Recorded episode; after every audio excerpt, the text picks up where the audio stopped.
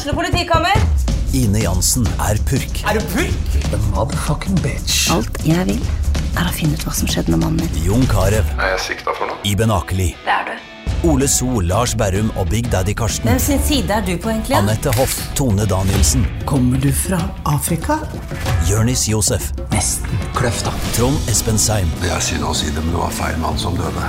Purk. Premiere tirsdag på TV2 Play.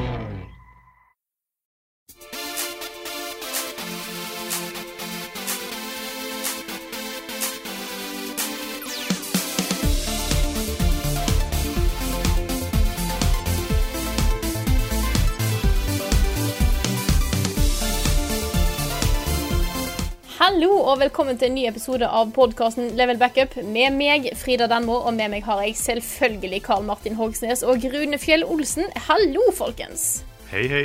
Oh yeah. Fy fader. Ja, ass. Bare for å ta flere kraftuttrykk etter hverandre, så blir det Ja. liksom enda mer pangstart. Yes. For å gjøre opp for at jeg er litt sånn småforkjøla og litt sånn pjusk. Vi har vært konstant, altså Jeg føler at vi konstant snakker om hvordan vi er litt sånn småpjusk. Ja. Kanskje vi ikke skal bruke altfor mye tid på denne gangen. Nei, vi trenger ikke gjøre det. Jeg, jeg bare har vært forkjøla en uke, så jeg er sånn der, nå, nå ser jeg veldig fram til å ikke være forkjøla lenger. Det er liksom det jeg, jeg merker hver gang jeg blir forkjølt, er at du, måtte, du har til litt livet at du er alltid er litt sånn tett, eller uh, sånne ting. Og så, så glemmer du hvor fint det er. Altså, vanlig, vanligvis, når alt er bra, uh, så liksom, du tar det litt sånn for gitt. Det gjør det. Man setter ikke nok pris på de dagene det ikke er snørr. Nei. Man gjør ikke det, altså. Og ellers, da? så Nei, ellers går det bra. Ja, nei, men det er bra. Og du da, Rune? Har du det fint? Jo, nei, det, går fint. Jeg har jo hatt litt sene netter um, denne uka her. Kan vi kanskje gå og bare gli elegant ja, over det var en veldig fin Ja. overgang. Ja, for jeg har jo eh, jeg har jo spilt Shadow of the Colossus ikke bare én gang, og ikke bare to ganger. Jeg har liksom mer eller mindre tatt alle kolossene en fire, fem, seks ganger hver. For jeg driver med uh, For første gang Jeg har jo spilt uh, Shadow of the Colossus mange ganger, men for første gang så har jeg gjort en hel gjennomspilling på høyeste vanskelighetsgrad. Det har jeg ikke gjort før. Jeg tror det har vært litt fordi uh, tanken om å både liksom ha flere svake punkter på kolossene samtidig eh, som du hadde det gamle kontrollsystemet, som var ganske knotete, det har ikke vært så veldig tiltalende. Så for meg, jeg har liksom bare følt meg ferdig med spillet når jeg har tatt siste koloss, sett slutten. Ok, det var Shadow of the Colossus for denne gang, så får vi bare la det ligge noen år, så kan vi ta det en gang til. Eh, Men nå da, som ting er smooth og funker, og det ser så pent ut, og eh, ikke så urettferdig kontrollsystem, eh, du knoter ikke så mye, kamera jobber litt mer på din side, sånne ting, så, så var det liksom det første jeg tenkte etter at jeg fullførte det på normal, var nå skal jeg ta en hard gjennomspilling. Og det blir så mye bedre altså, hvis man kjenner spillet fra før. Fordi eh, eh, det er som sagt flere sånne svake punkter på kolossene, så du må være på de mye lengre. Eh, de tåler mye mer, eh, og du tåler mye mindre. Så en del av de kolossene har jo noen sånne voldsomme kjempeangrep, eh, hvor de slår etter deg med føttene eller eh, andre ting. Eh, det, ka- du kan være one-shotta hvis ikke du har spist nok frukt for å få opp pelsen din. Så det blir en helt annen opplevelse. Utrolig deilig, altså. Eh, så gjorde jeg det, da. Det gikk fint. Eh, og da tenkte jeg ok, jeg har heller aldri gjort time attack i Shadow of the Colossus eh, før. Jeg har sittet og kikka litt på det du kan få fra og tenker ja, det er sikkert fint, men jeg følte meg ferdig med det. Men nå har jeg fullført alt på normal, og tre-fire av de på, på hard. Du får jo kjempekule ting. Nye kapper og nye farger på hesten og nye sverd. Eh, nye piler, en harpun som du kan kaste fra avstand, uh, osv. Ikke minst så får du også en, en lizard detection stone hvis du tar åtte på normal. Som du da kan fly rundt og finne ikke sant? hvis du har lyst til å kom være completionist på det også. Ta alle de lizardene med hvite haler i den verden her. Kan du bruke den, da. Så det har blitt mer et, et spill, da. Altså, du har kunstopplevelsen, kulturopplevelsen Shadow of the Colossus, som er ren gjennomspilling og historien og alt det der. Og så har du alle disse tingene som gjør det til et mer sånn tradisjonelt spill, som du kan gå etter trophies og uh, være litt completionist. Så det har vært en ut et utrolig hyggelig gjensyn. Det har vært, jeg har gjenoppdaga spillet litt. Jeg har fått sett det fra litt nye sider. Jeg har til og med vært på steder i den verden her som jeg aldri har vært på før. Så ja. fire, fem, seks tomler opp. Jeg har sydd på ekstra tomler. Shit. Bare for å kunne liksom uppe den litt. Det er Men synd vi kun har lyd på podkasten her, for dere skulle, dere skulle sett alle disse tomlene som Rune har fått sydd på Ja, hendene ja. sine her nå. Det var faktisk Kommer det er ut fra overalt. sjukeste jeg har sett. Ikke sant? Mm. Men Sånn, sånne eh, upgrades, det kan, du, det kan du også logge deg inn på EcoStore og kjøpe for, for penger, ikke sant? Nei, Sånn frukt, fruktpack. fruktpack. ja. Nei da. Det, det er litt funny det der, også, fordi første gjennomspilling, min aller første gjennomspilling av Shadow of the Colossus, så visste jeg ikke at du kunne spise de hvite halene til de uh, lizardene.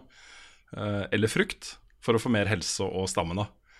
Jeg visste ikke det, så jeg fullførte spillet igjen. Det var jo supervanskelig på slutten. Nesten umulig, men jeg fikk det jo til, da. Eh, så ja, bare det. det. Det kan være et tips, da. Det, er, det blir liksom ikke forklart det direkte. I hvert fall ikke før du eh, dreper en lizard da med hvit hale. Så kommer det en sånn stemme som sier at bla, bla, bla. Ja. Så um, ja, det er litt mer der enn eh, man kanskje skulle tro. Men så er det jo grunnopplevelsen som er det beste med spillet også, da. Så jeg vil ikke si det er en nødvendighet å gjøre alle disse tingene. Men uh, holy moly, så gøy det er. Så, så det jeg gjør nå, er rett og slett å lage en, en eh, liten guide som blir mer sånn hint, hintguide til hvordan du tar ned de 16 kolossene.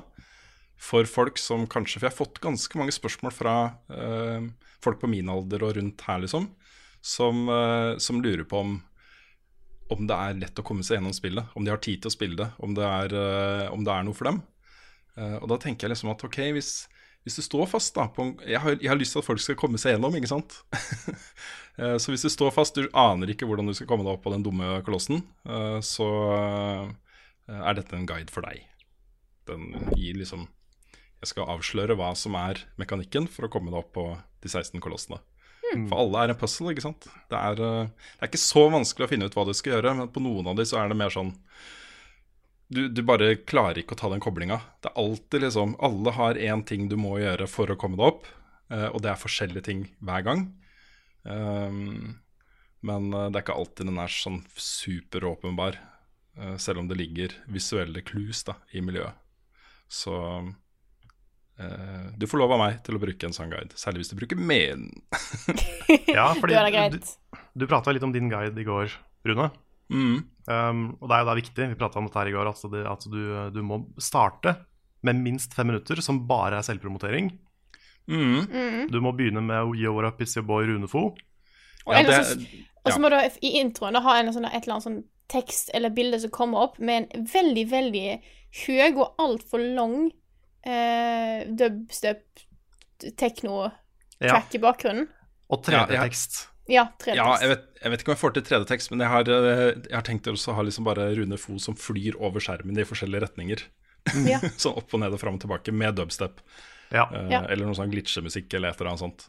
Og pass på at ikke den delen som kommer etter all selvpromoteringa, er så lang. Nei. Den, den må være kortest mulig. Så Kortest mulig. Videoen er kanskje bare 5 minutter og 30 sekunder. Mm. Men de første fem minuttene med de er viktige. Vet du hva, jeg skal lage, jeg skal lage 16 videoer, én for hver koloss. Uh, hvor jeg har f- fem minutter med egenprogrammentering og 20 sekunder med uh, Sånn tar du den. Pass også på at du har mikrofonen inn i munnen. Ja. Inn i munnen, ok, greit. Sånn at du gjerne Du skal, huske, du skal, du skal få med deg hver eneste liksom, pust. Mm. Nei, vi sikter jo til at dette er en egen sjanger på, eh, på internett. Ja, det Eh, er så- mye varierende kvalitet Ja. på tutorials Så- på, og guider på internett. Mm, jeg har lyst til å tulle litt med det. Det kan hende at jeg gjør litt, litt ut av det. Kanskje ikke fem minutter. Nei, men det blir én video. det er kanskje, og- kanskje litt mye. Ja, Det blir én video, det blir én guide. Men ting, jeg har det litt morsomt med den, eh, selv om jeg har gjort det litt vanskelig for meg selv. Da. Nå har jeg begynt, så jeg kan ikke avslutte det. Men jeg skal prøve å gi et navn til alle 16 uh, kolossesene. Oi. Så Kan vi få en teaser her på, eh, på et navn? Ja. Um, den første er liksom ganske bland. Altså det er en tutorial colossus. uh, så den heter Kjell. Heter okay. Kjell, ja. Hm. Mm. Er det en Knut? Jeg, jeg vurderte å bruke Knut, men Kjell er liksom det, det standard uh, norske guttenavnet som jeg og kompisgjengen min har brukt i alle år. Ja, okay. uh, hvis, hvis man ikke vet hva noen heter, så er det Kjell. Så, Ja, sånn. eh, ja, så derfor så ble det Kjell. Ja. Kåre har gått igjen hos oss. Ja da, det var jo liksom før det igjen. da På barneskole så var det Kåre. Kåre. Mm. Men det er, det det, alle får et navn Ja. og et nummer, og det blir én video. Det blir én video som ikke blir sånn superlang. Så, så den skal jeg prøve å få unna før jeg må sende fra meg den flotte presskitten til den som har vunnet eh, den. Og det avsløres Mhm. også um, Ja, det blir jo fredag, tenker jeg. Så skal jeg gi beskjed om hvem som har vunnet, uh, vunnet den. Sounds good.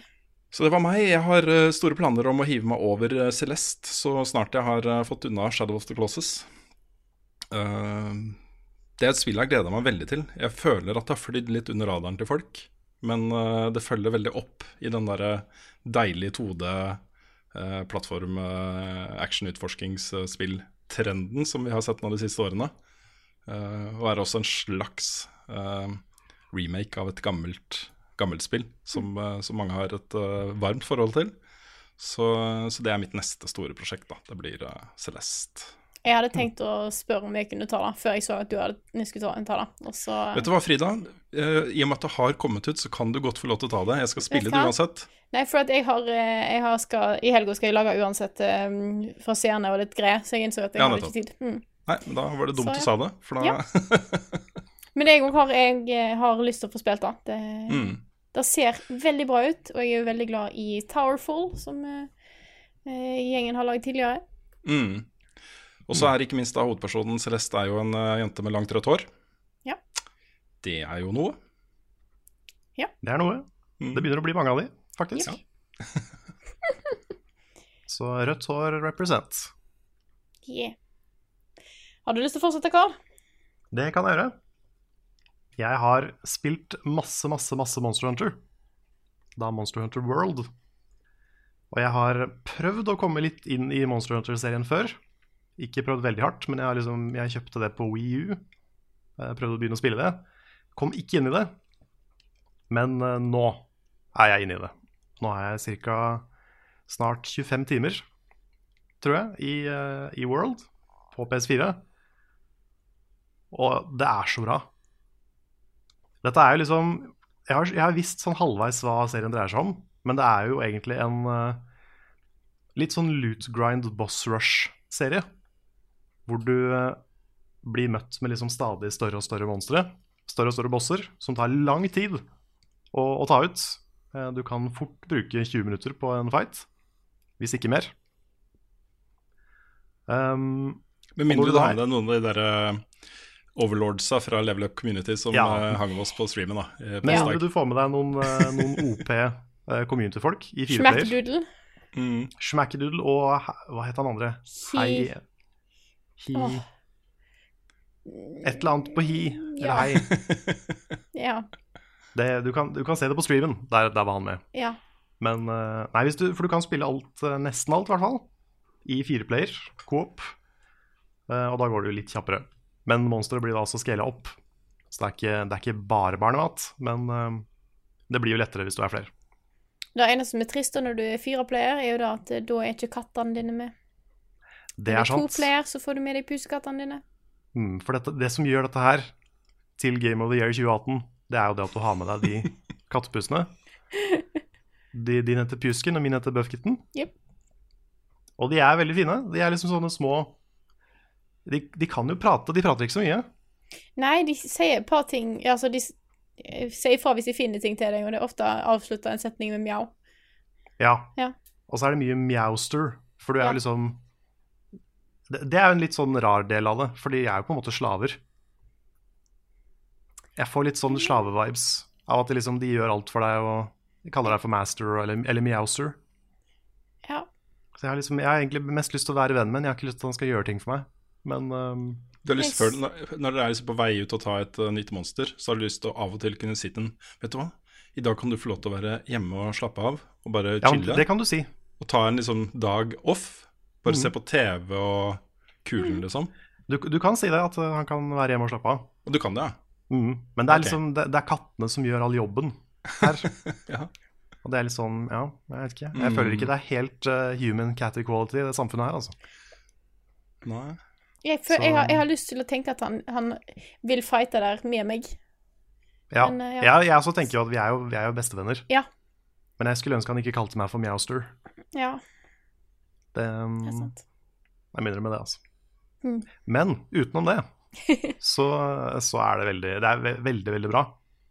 Og det er jo, selv om det er et veldig sånn typisk grindespill, du kan sammenligne det litt med sånn måten du får nytt gear på i f.eks. Destiny eller i MMO-er når du raider.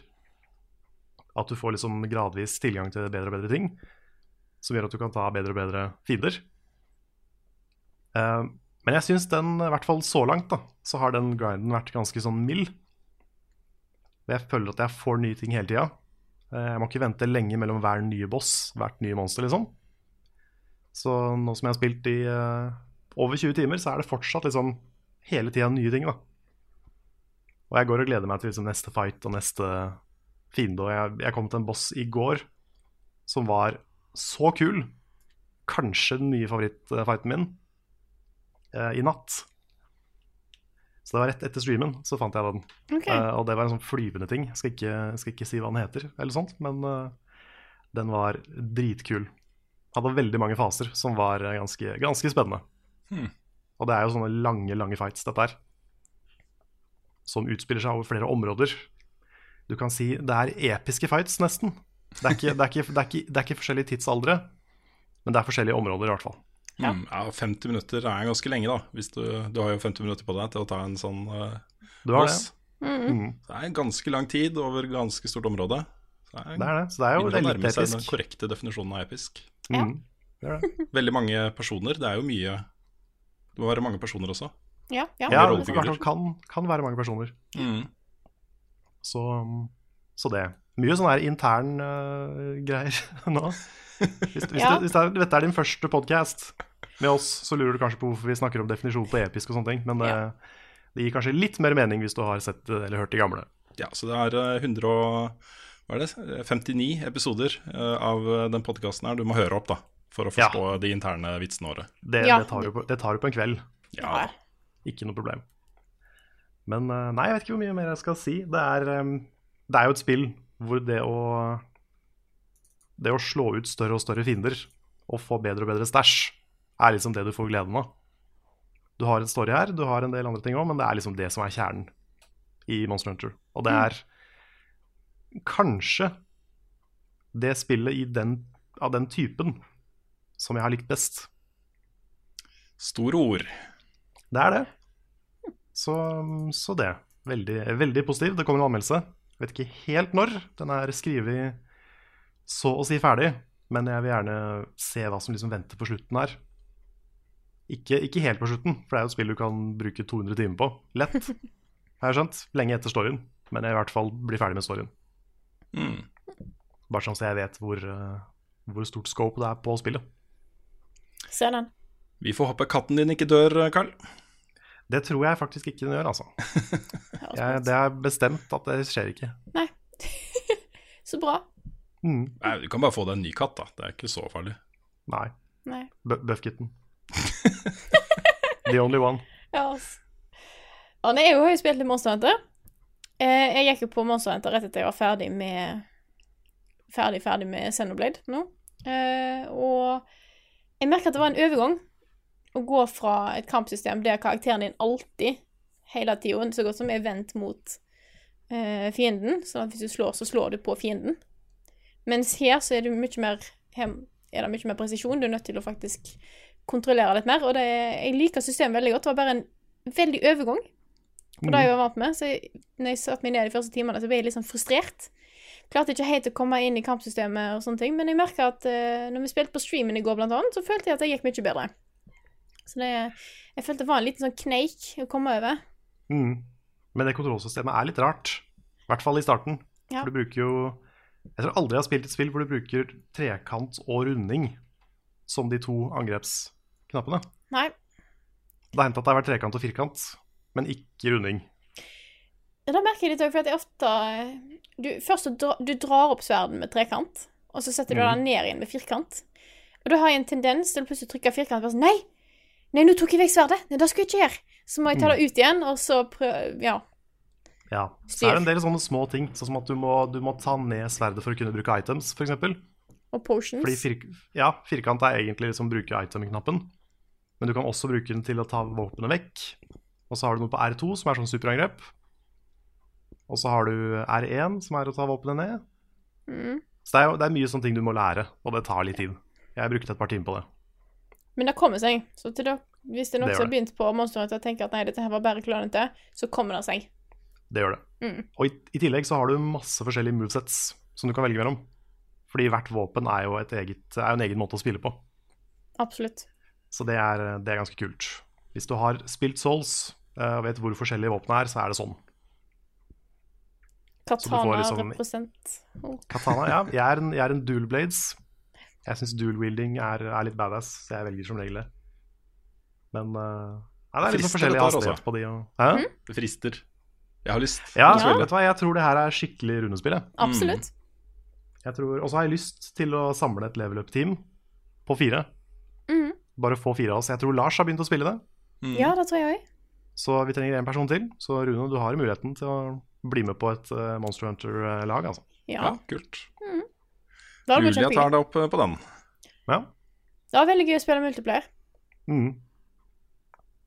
Det var det. Jeg tror vi kunne, vi kunne laga noen kule videoer ut av litt eh, coop der.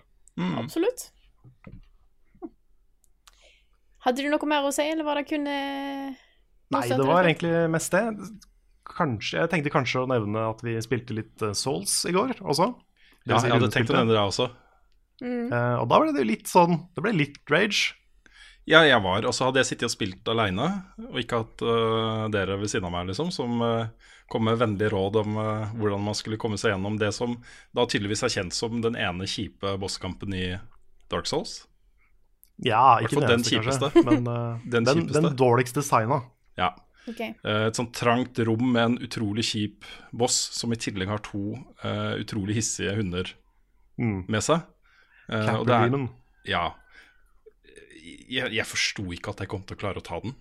Og jeg, jeg tror at hvis jeg hadde sittet og spilt aleine, så er det mulig at det var det punktet jeg hadde gitt meg på.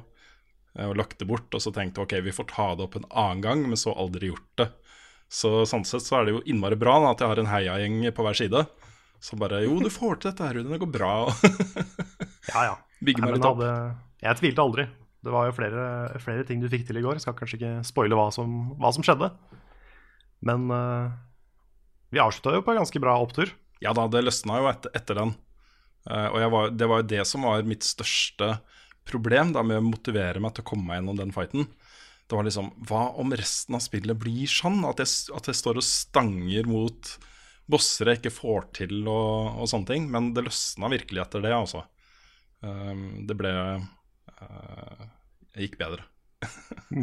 Så det er jo en helt fantastisk spillopplevelse. Det er, jeg er glad den er unnagjort. Så um, ja, gleder meg til fortsettelsen. Yeah. Høres bra ut. Da kan du ta over, Frida. Yes, jeg har jo spilt Monster Hunter, men jeg har begynt på et annet spill. Og det var rett og slett at jeg har funnet ut Det er litt sånn eh, Jeg har prøvd å finne ut sånn gjennom året hva spill er det jeg er glad i. Eh, og jeg har jo spilt mye plattformspill. Plattformer har jo vært my kind of thing. Eh, og det er ikke alle som har så mye story, men jeg innser at akkurat nå så er jeg veldig i en story-periode. Så jeg rett etter jeg hadde testa Monster Hunter et par timer, for jeg hadde en ledig kveld. Sånn at jeg vet hva, nei, jeg vil ha et med masse, masse story. Så jeg har endelig begynt på Near Automata. Hei. Eh, da Det var jo på tide. Jeg vet jo at det er et spill jeg bare må få spilt. Det på, var på topplista over spill fra 2017 som jeg har lyst til å få spilt gjennom. Så nå har jeg prøvd da i noen timer, og jeg elsker det.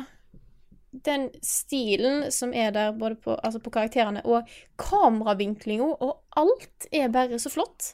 Mm. Så Det er da- litt sånn Bajonetta-ish, er det ikke det? Sånn kameraer og ja. fordi at det er jo perfekt blanding av mye story, som Bajonetta ikke har, og kampsystemet til Bajonetta. Det er jo perfect match for meg. Det er sånn, Jeg burde jo spilt det for lenge siden. Så da eh, skal jeg kose meg gjennom noe framover. Det er planen. Eh, Nice. gleder meg til å få se hva all the hype is about. Ja, du har mye gøy foran deg. Ja, det tror jeg på. Det er jo, eh, det er jo ikke bare én rulletekst i det Nei. spillet. Så du Har har, du har mye spill. Ja, men det, det høres bra ut. Og så har jeg gjort en ting til som er litt spillrelatert.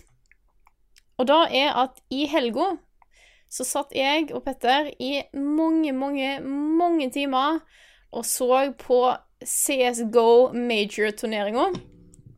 Det er nice, sammen med Ja. en million andre folk, så jeg. Det var voldsom voldsom oppslutning rundt den finalen mellom Cloud9 og Face. Helt sprøtt. Vi så først eh, Finalen var vel på lørdag? Søndag? Husker Jeg er ikke. litt usikker. Jeg tror det var Ja, en av de to, i hvert fall. Eh, men vi så semifinalen dagen før, som var mellom eh, Cloud9 og SK Gaming. Jeg er ganske sikker på at det heter SK Gaming. Det er i hvert fall SK. Eh, det var utrolig spennende. Jeg og Petter hadde en Vi heia selvfølgelig på eh, alle andre enn Cloud9. Fordi at eh, Cloud9 er Syns jeg var de var så veldig amerikanske at det var nesten ekkelt. Å, Jesus Christ. Det er sånn, ja, de spilte dritbra. Det, jeg, det sier jeg ingenting på. De var fullstendig verdige vinnere, eh, for det var jo Cloud9 som vant dette her. Eh, men det var jo bare Det var liksom ikke snakk om at det var liksom heia Cloud9, det var heia America! Og det var liksom det, det var, eh, Siden dette her var jo i Boston, så var jo nesten hele salen amerikanske fans. Og det var bare liksom Go USA, og det var eh, like mye heia USA som heia Cloud9.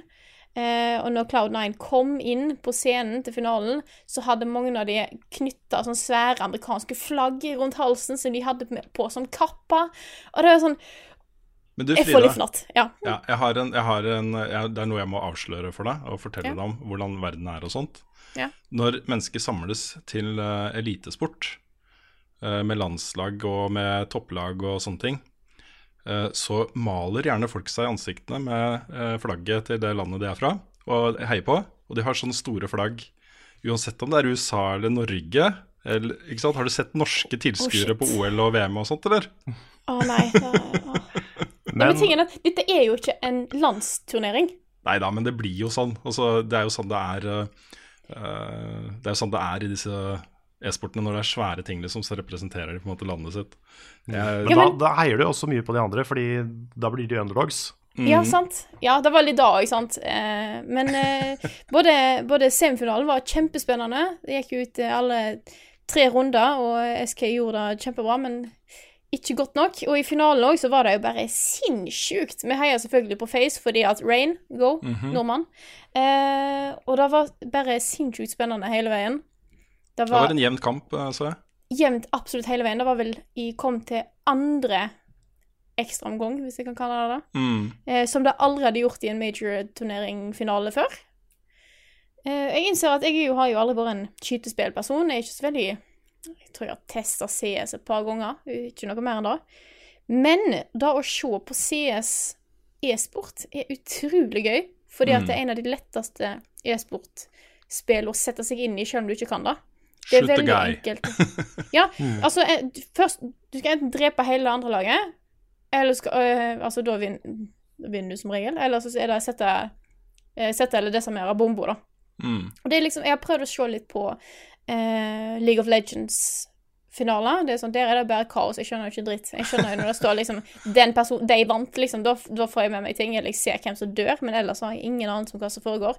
CS er lett å sette seg inn i.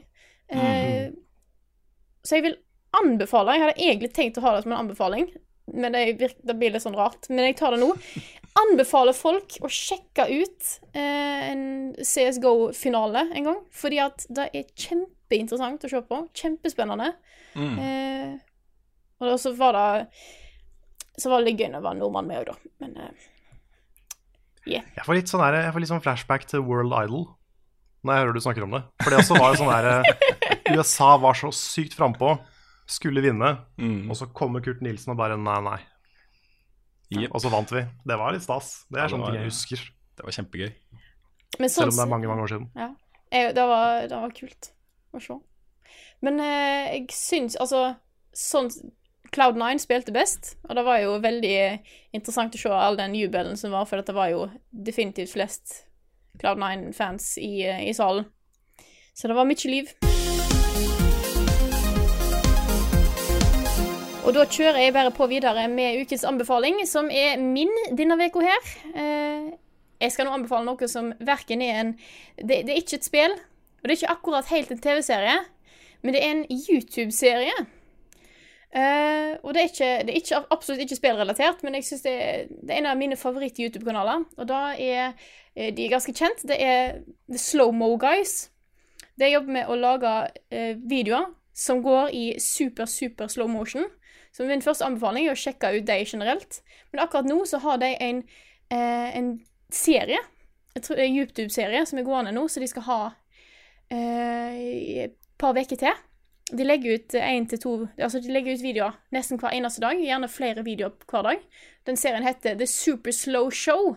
Det har de med seg litt eh, kjente TV-stjerner og sånt, og så gjør de ting i slow motion. De har hoppa gjennom glassdører i slow motion. De har knust ting med supersterke magneter. Eh, mye kule ting som de gjør. Så både sjekk ut deres kanal og sjekk ut showet. For det, nå kommer det faktisk videoer nesten hver dag. Vanligvis så går det en måned eller to mellom hver video. Så hvis du ikke har sett på dem før, så er dette perfekt timing å hoppe rett inn i. Du har definitivt sett en av eh, videoene deres som en gif på internett før. Kan jeg love deg. Oh, her er forslaget du, til eh, folka bak her. Gjøre liveshow av det. Og så hoppe gjennom glassruter på scenen foran folk, og så må liksom alle bare forestille seg hvordan det ser ut i slow motion. Ja. Ja. Mm. ja, det er jo kanskje den tingen det er vanskeligst å lage liveshow av. sånn. Men det kameraet deres, det er jo sånn svindyrt uh, kjempekamera. Hvor mange bilder i sekundet er det det tar? Er det 3000 eller noe sånt? De som de kjører med, Ja. de kjører kjørt noe Phantom-kamera som de har vært nede i 108 128 000 bilder i sekundet. 128 000 bilder i sekundet, ja. Så Ja. det var eh, mye høyere enn 3000. Ja. Men da er det, er det som skjer, er at de har jo noen videoer som på en måte eh, Som trenger såpass eh, hastighet. Blant annet så har de en video der de ser på når glass knuser. Mm. Som jeg som materialteknolog syns er kjempespennende, fordi at det skjer så fort. Og da måtte de ned i den eh, Eller opp. Jeg vet ikke helt hvordan jeg sier det, men de måtte til den hastigheten at de måtte filme. Jeg er ganske sikker på at det var 128 000 bilder i sekundet, bare for å kunne se at det skjedde. Og likevel da kunne du nesten ikke se, eller få med deg at den sprekken gikk gjennom. Så de har eh, tilgang på ganske mye kult utstyr, eh, rett og slett fordi at eh, eh, i hvert fall han ene, Gavin, Gavin Free, jobber jo med slow motion footage prof prof profesjonelt. Mm. Han har jobba med store serier og greier. Jeg tror han har jobba med Top Gear en periode. Eh, jobber i hvert fall på den ene Sherlock Holmes-filmen. Så de har tilgang på en del eh, fancy greier, da. Mm. Så eh, Veldig sånn enkel, men kul ting å basere en kanal på. Ja. Ja. Bare sånn, Vi skal filme ting i slow motion. Det er det vi Mm. gjør. Men så gjør de litt sånn teite ting. På et tidspunkt så har de jo han ene krøpet inn i en gigantisk vannballong. Og så ser du når den sprekker, som er kjempekul. Først ser du ballongen sprekke, og så ser du hva som kommer med vannet etterpå. Eh, men de gjør masse sånne teite ting, da. Selvfølgelig. Eh, Men det, det er egentlig et veldig enkelt konsept. Men de har fortsatt ikke gått tom for ting å teste ut. Nei, jeg lurer på hvordan det ser ut når de begynner å gå tom for ideer. sånn Nå skal vi slippe en blyant og se hva som skjer når den treffer bakken. Jeg vet ikke. Kanskje han knekker to. Ja, Ja, kanskje. Nei, jeg vet ikke, fordi det er liksom, jeg tenker sånn Det å skyte en pistol, og dere som bruker vann, det er kult. Mm. Glass er kult. De Er bruker mye forslag? maling. Maling, ok. ok. Ja, fordi eh, forslaget mitt var eh, slow motion, uh, se maling tørke. Å, Ja. shit, ja. Mm. En, eh, en YouTube-serie på eh, tre måneder. Ja, ikke sant? Mm. Nei, jeg vet ikke, men eh, de er gode hvis de klarer å finne på nye ting å filme i slow motion. Da. Det er jo, for jeg, jeg, kom opp, jeg kom på fem ting Ja. som er kult. Så det er jo, da, er de, da er de kreative. Mm. Det er litt rart egentlig å anmelde, nei, anmelde seg, anbefale en kanal som har 10 millioner subscribers på YouTube, men jeg vet det er mange som ikke har sjekka det ut, og nå er det god timing for å komme inn og se hva de driver med, siden det er faktisk daglige videoer. Jeg har aldri jeg sett gå- noe på kanalen. Jeg har bare sett uh, giffene du snakka om. Jeg har jeg Ja. sett giffene, bare. Jeg mener, jeg mener selvfølgelig giffene. Giffene. Mm. Skal vi ta, siden, ep, siden Nei, nei, vi kan la den ligge. Vi kan la den? ligge. Det er greit, vi kan la den ligge. Og i dag klarer jeg jo heller ikke å komme på en veldig kreativ intro, men det er i hvert fall nyheter. Det er i hvert fall Rune sitt ansvar, så vær så god, Rune. Ja, eh, nyheter. Vi, ehm, det blir litt Nintendo-nyheter den gangen her. Det er blitt sluppet eh, en liten bunke med Nintendo-nyheter eh, de siste par dagene. dagene. kan begynne med at dette ryktet om en spillefilm med Super Mario eh, viser seg å stemme. Den er nå offisielt bekrefta av Nintendo og eh, Illumination Entertainment, som er studio bak eh, Minions og eh, Grusomme meg. Eh, det kommer da en helaftens kinofilm med Mario i hovedrollen. Og Miyamoto er også oppført som co-producer. Så det betyr, det betyr Jeg vet ikke. Det kan bety alt fra at han bare har sagt at det er greit at de lager den, til at han er litt involvert i å styre retningen på filmen. da. Mm. Det er helt umulig å si hva slags type film det blir, men jeg har jo sett både flere Minions-filmer og flere Grusomme meg-filmer. Og jeg syns de er bra, så det er, jeg føler at de er i ganske gode hender, da, det er Mario-universet nå. Så spennende. Ja.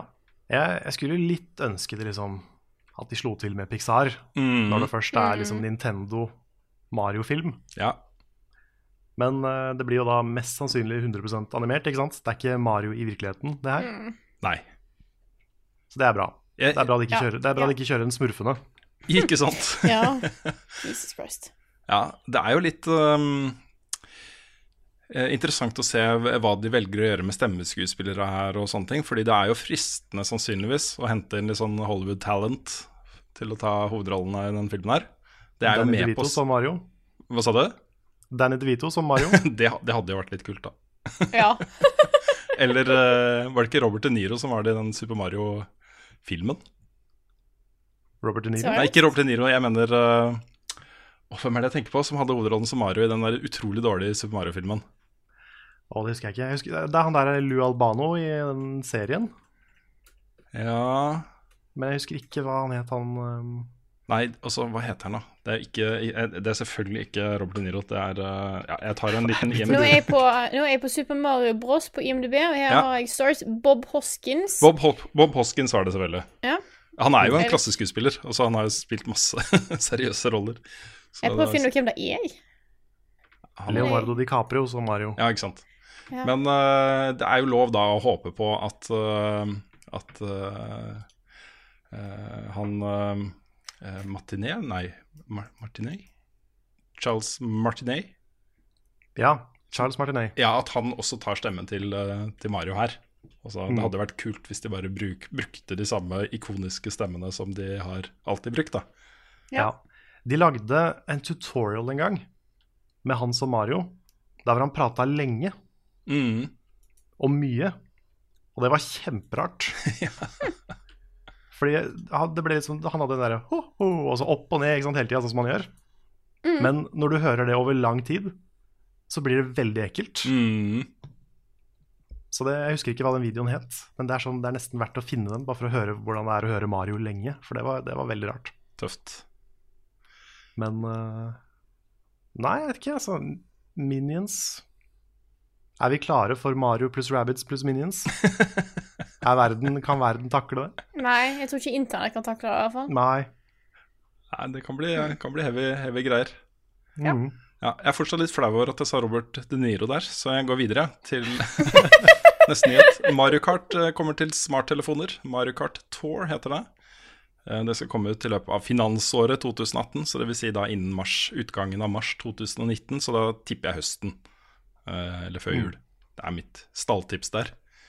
Ja. Ja, ikke noe kjent om spillet foreløpig, så det er ikke så mye mer enn det å si om det. Nei, jeg har, ikke, jeg har ikke spilt så mye racingspill på telefon. Vet ikke om det funker bra. Det um, Motion controls, kanskje? Det hadde vært festlig. Det, det er jo mye, mye racingspill som bruker gyroskopet, men uh, jeg har aldri helt fått taket på, på racingspill på smarttelefon, altså. Trenger de knappene og spakene og, Mm. og sånt, så vi får se. Men hvis man eh, det, det er mulig. Det er mulig å lage gode racingopplevelser, jeg vet de finnes. Det er bare jeg har ikke Jeg er ikke helt min cup of tea. Eh, så jeg tenker at eh, for et sånt spill som dette, uh, Mario Kart, så er det i hvert fall mulig å lage et mobilspill som er tilpassa mobilskjermer og mobilstyring, som er gøy. Det er ikke sikkert det blir liksom like avansert som det er med en håndkontroller. Men selv på det så har de jo muligheten til å bruke motion controls og sånne ting. Så ungene mine sitter jo, særlig sønnen min, bruker jo motion controls til å styre karten istedenfor å bruke spakene. Så, så det er jo mulig i konsollversjonen også. Da bør det jo være mulig på mobil, kanskje. Jeg er jo stor fan av eh, motion controls Mm. i Mario Kart. Nettopp. Mer Nintendo. Eh, Det er nå solgt over 14,86 millioner Switch-konsoller. Og tallet er interessant fordi det med det har passert lifetime-salg av Wii U, og det syns jeg er helt sprøtt å tenke på. Vi har liksom snakka så mye om hvilken krise det var for Nintendo, den konsollen og den lanseringa der. Og det her illustrerer jo det helt perfekt. Eh, Ja. På fem år så solgte Wii U like mye som Switch har solgt på ett år. Så Hadde de ikke passert det med en million òg? jo da, det er eh, det. forbi. Det er gått forbi. Jeg tror det endte på sånn 13, et eller annet uh, Wii U. Hmm. Så yay, Nintendo. Smaker Ja. sikkert godt med en uh, hit. Da Det jeg tror det. jeg føles godt for deg når de har på en måte fikk, fått så mye pes for Wii U, og så Mm. hvor Vel, hvor mye den krasja, liksom. Og faktisk være på toppen igjen av spillbransjen, som de har vært i mange år før. Mm. Da tror jeg må være fint for deg, altså. Yes. Og så er det også interessant å melde at eh, det er solgt over fire millioner eksemplarer av SNES Mini. Det også er et eh, ganske solid eh, tall. Wow. ja. Men da er det jo fortsatt å produsere den, da. ja da, så I det motsetning til, til Nesen. Ikke sant? Så det er jo et, eh, et tegn på at de faktisk har produsert nok til etterspørselen, dette her. Og sier kanskje litt om eh, hva potensialet hadde vært for eh, NES Mini også. Nå skal det komme flere NES Mini-versjoner eh, mot sommeren, Eh, så de tar opp igjen produksjonen av den. Men eh, ja, det er et stort marked for den type konsoller, tydeligvis. Eh, men fire millioner, det er mer enn jeg hadde sett for meg i mine villeste fantasier. Så Folk er glad i retro. Yes. Eh, det kommer også en eh, eh, Commodore 64 Mini. Den lanseres i mars. Eh, så hvis, hvis du er med på den siden av leiren på 80-tallet, så, så er det kanskje mange som gleder seg til den. Ja. Eh, Vi har en sånn stor sak vi har tenkt å spare til ukens spørsmål. Så siste nyhetssak for denne gang blir at Anthem nå offisielt er utsatt til våren 2019. Og begrunnelsen er, fra EA sin side, ikke at de sliter med å introdusere et nytt uh, lootbox-system etter kontroversen med Star Wars Battlefront 2, uh, selv om det kan hende at det er det som er en av grunnene. Spørs. Ja. Men de sier at øh, de skal annonsere et helt nytt Battlefield-spill snart, som skal komme til høsten. Så de, den offisielle grunnen til utsettelsen er at de vil gi plass da, til det nye Battlefield-spillet, at ikke de to spillene skal utkonkurrere hverandre. Jeg forstår jo den også, jeg ser den. Jeg har ikke noe problem med å akseptere det som en grunn. Eh, Men det er kanskje ikke bare det er den eneste grunnen. Det er litt spennende å se hva det Battlefield-spillet er. Eh, Det er mange som håper på et uh, uh, nytt Bad Company, Bad Company 3. Så det hadde vært kult å sett litt sånn storydrevet uh, actionspill. Da setter vi i gang med spørsmål- og svarspalten vår, og som vanlig start med denne spalten med ukens spørsmål.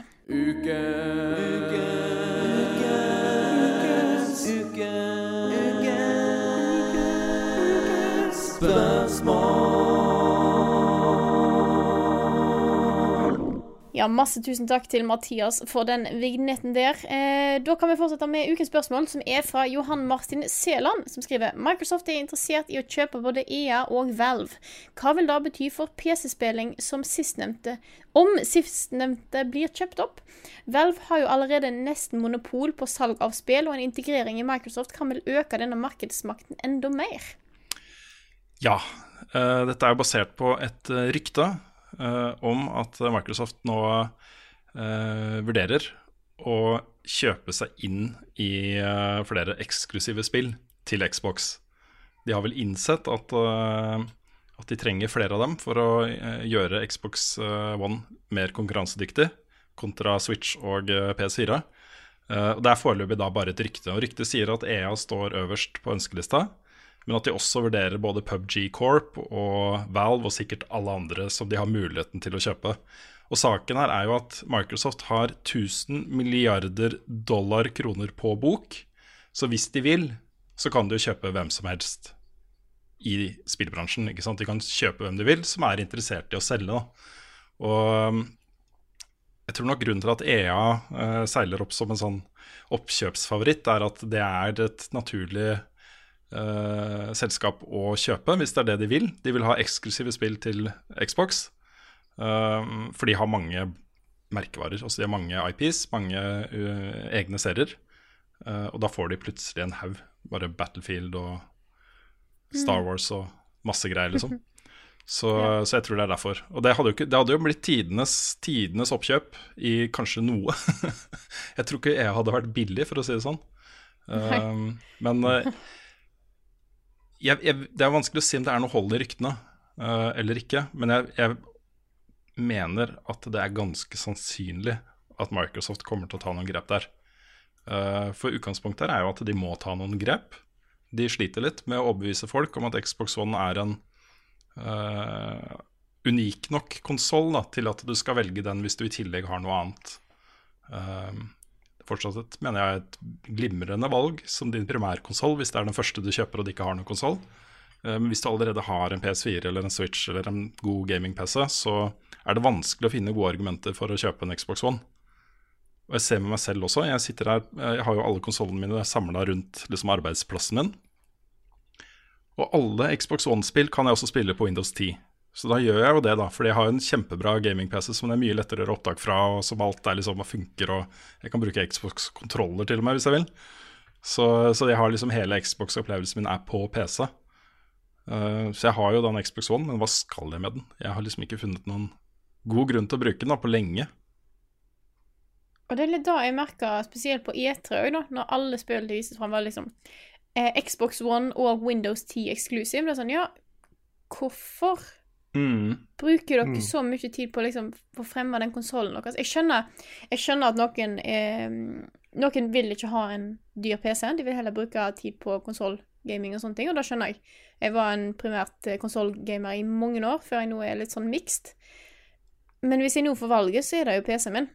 Men det er rett og slett fordi jeg har hatt penger til å legge ned igjen. Men det er veldig mange som har en sånn type PC nå, som har en sånn decent laptop eller stasjonær PC som du kan spille ting på. Mm. Da skjønner jeg godt at de vil heller holde seg på den enn å kjøpe en konsoll til. Ja, Hvis du skal ha liksom alt av uh, fete spill som kommer ut uh, nå, så um, holder du med en PS4 og en PC pluss da en Switch. Uh, av, av sånne konsollspillopplevelser, da. Men hvis du primært er opptatt av sånne svære rollespill, Witcher og strategispill osv., så, videre, så er det liksom like greit å kjøpe en PC som noe annet. Um, den, Xbox One sliter med å finne en sånn god grunn til å være et naturlig valg for folk. Og Det er et problem, og det er den ene tingen som kan få Som er sånn plaster på det såret, et kjapp fiks, det er jo flere eksklusive spill. Og Vi så nå de annonserte endringer på Xbox GamePass-tjenesten uh, i forrige uke. Hvor uh, de også skal inkludere alle First Party uh, Microsoft-spill. eller spill de gir ut, da, som de er publishere for. som Day One-lanseringer også for de som abonnerer på Xbox GamePass. Da var det jo tre spill da de kunne trekke fram. Det var Sea of Thieves. det var Uh, State of Decay. Decay, ikke The Gay. Som jeg hørte Jeg hørte på podkasten at det var Ja. Mm. Uh, og det er Crackdown 3. Det er de tre uh, spillene som vi vet kommer eksklusivt til Microsofts plattformer. Og det er liksom, ja, kanskje tre bra spill, men det er liksom ikke på nivå med eksklusivene til PS4. Som Bloodborne og Shadow of the Colossus og Horizon. Mm, og, ja, ikke sant? Så, så, der må de gjøre noe. Det, er interessant dette, fordi det var jo sånn Microsoft kom inn i konsollbusinessen på. Det var den måten de brukte. De kjøpte jo opp masse studioer og rettighetene til publishing av spill eh, osv. De kjøpte jo Bungie i 2000, eh, også like før Xbox, første Xboxen kom ut. Eh, men så tok de et valg da på midten av 2000-tallet, rundt 2006-2008 å selge seg ut igjen og bare si at vi skal ikke være så involvert i å lage og utvikle og førsteparts publishe spill lenger. Uh, det får noen andre ta seg av. Vi skal fokusere på hardware-biten. Uh, og så kan det hende det snur igjen nå, da. Jeg tror, det, jeg, jeg tror, nok de gjør det. Jeg tror nok de kommer til å pushe, pushe der. Men uh, jeg vet ikke hvem de ender opp på. Alle er på en måte potensielle oppkjøpskandidater her, føler jeg. Ja. Det er veldig interessant, da, fordi at Hva gjør en for å faktisk få folk interessert i konsollen din igjen, uten å bare ha eksklusive titler? Mm. Fordi at jeg tenker også at det er sikkert Det er kanskje begrensa hvor mange utviklere som har lyst til å gi ting ut eksplosi- eks, eksplosivt Eksklusivt på Xbox One. Rett og slett av den grunn at det er ikke så mange som har den konsollen. Mm. Det er ikke så attraktivt for deg, hvis ikke Microsoft betaler en ganske heavy sum, da, sikkert. Jeg gjentar, de har 1000 milliarder dollar på bok. Ja. Men det er vel kanskje hele Microsoft, da? Eller kun gaming? ja, det er hele Microsoft. Men, ja, men men de har, de har mulighet da, til å ta De kan sikkert kjøpe Nintendo hvis de vil da, nesten. mm. Nei, de, har jo, de har jo kjøpt sånn eh, tidseksklusivitet på flere spill opp gjennom åra. Tomb Raider var nyeste eksempelet. De har også gjort det med GTA uh, tidligere uh, der.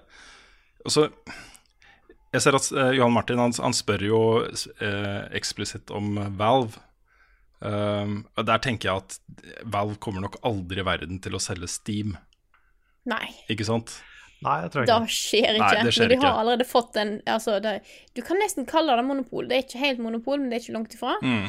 Den store plasseringen som de har, og den store plassen de har i PC-gamer sitt sin gaminghverdag, Mm. den er så sterk. Jeg tror at de vil jo aldri gi den fra seg, tror jeg. Mm. Nei, jeg er enig i det. Og det fikk meg til å tenke på altså Begynne å drodle litt rundt hva Microsoft kan gjøre. da. Og jeg tenker at det kanskje er mindre sannsynlig at de kjøper svære eh, publishing-selskaper. At de heller eh, targeter spesifikke studioer, da. Eh, som EA har gjort i alle år. ikke sant? De finner et bra studio, og så kjøper de det opp, og så innlemmer de det, og så legger de det ned. Um, men det, mm, hvis man begynner å tenke sånn, da, så kanskje BioWare Kanskje det er et selskap de har lyst til å kjøpe. Eh, kanskje de har lyst til å kjøpe de eksklusive spilltitlene til Valve. Kanskje vi får Half-Life 3 fordi Microsoft er villig til å betale 100 milliarder dollar for å få rettighetene til å gjøre det. ikke sant? Um, så, jeg, så jeg tror de heller de kommer til å gjøre det. da. Og Sånn sett så tenker jeg at kanskje PubG er et mer aktuelt uh, en mer aktuell oppkjøpskandidat uh, enn hele EA, og at kanskje BioWare og, eh, og sånt er det. Um, så jeg vet ikke helt. Det sitter svære studier rundt omkring. Eh, Microsoft har noen av de selv. Eh, du har Playground, som jobber med Forza Horizon-serien. de er jo ikke hel, også, Jeg tror ikke de er heleid av Microsoft, men de har eksklusive publishing-rettigheter. Det er sånn second part eh, eksklusiv spillutvikler for Microsoft. Så de har liksom svære studioer rundt omkring, og de har jo muligheten til å gå ut og bare staffe opp de og begynne å kjøpe rettighetene til kjente spillserier og begynne å lage de selv. da. Eh, sånn som de gjorde med 343 Industries. Som de etablerte rett og slett fordi uh, uh, de solgte seg ut av Benji, Og sa ok, dere kan få lov til å holde på selv igjen. Det var Takk for syv, syv kule år som samarbeidspartnere, og dere har vært veldig viktige for konsollene våre, men nå kan dere ja, ha det, ha det folkens. Eh, så lagde de da 343 Industries, som skulle håndtere Halo-spillene. Så de, jeg, jeg tenker at de kommer til å fortsette der, da, med de, den type måte Altså den type måte. Den måten å gjøre ting på. Den type måte. Den type måte å gjøre ting på. Det er jo en type måte å gjøre ting på. Mm. Nei, jeg, jeg så jo um, Erik Fossum i Pressfire hadde en teori om, det, om at dette her Mye av det her handla om at eh, Microsoft beveget seg litt vekk fra Xbox. At de heller prøvde å pos- posisjonere seg mer som en sånn tjeneste. Mm. Eh, da gjerne også med den der GamePass-greia som vi prata om forrige Tror du det var forrige uke? Ja, det var forrige uke. Ja. Ja.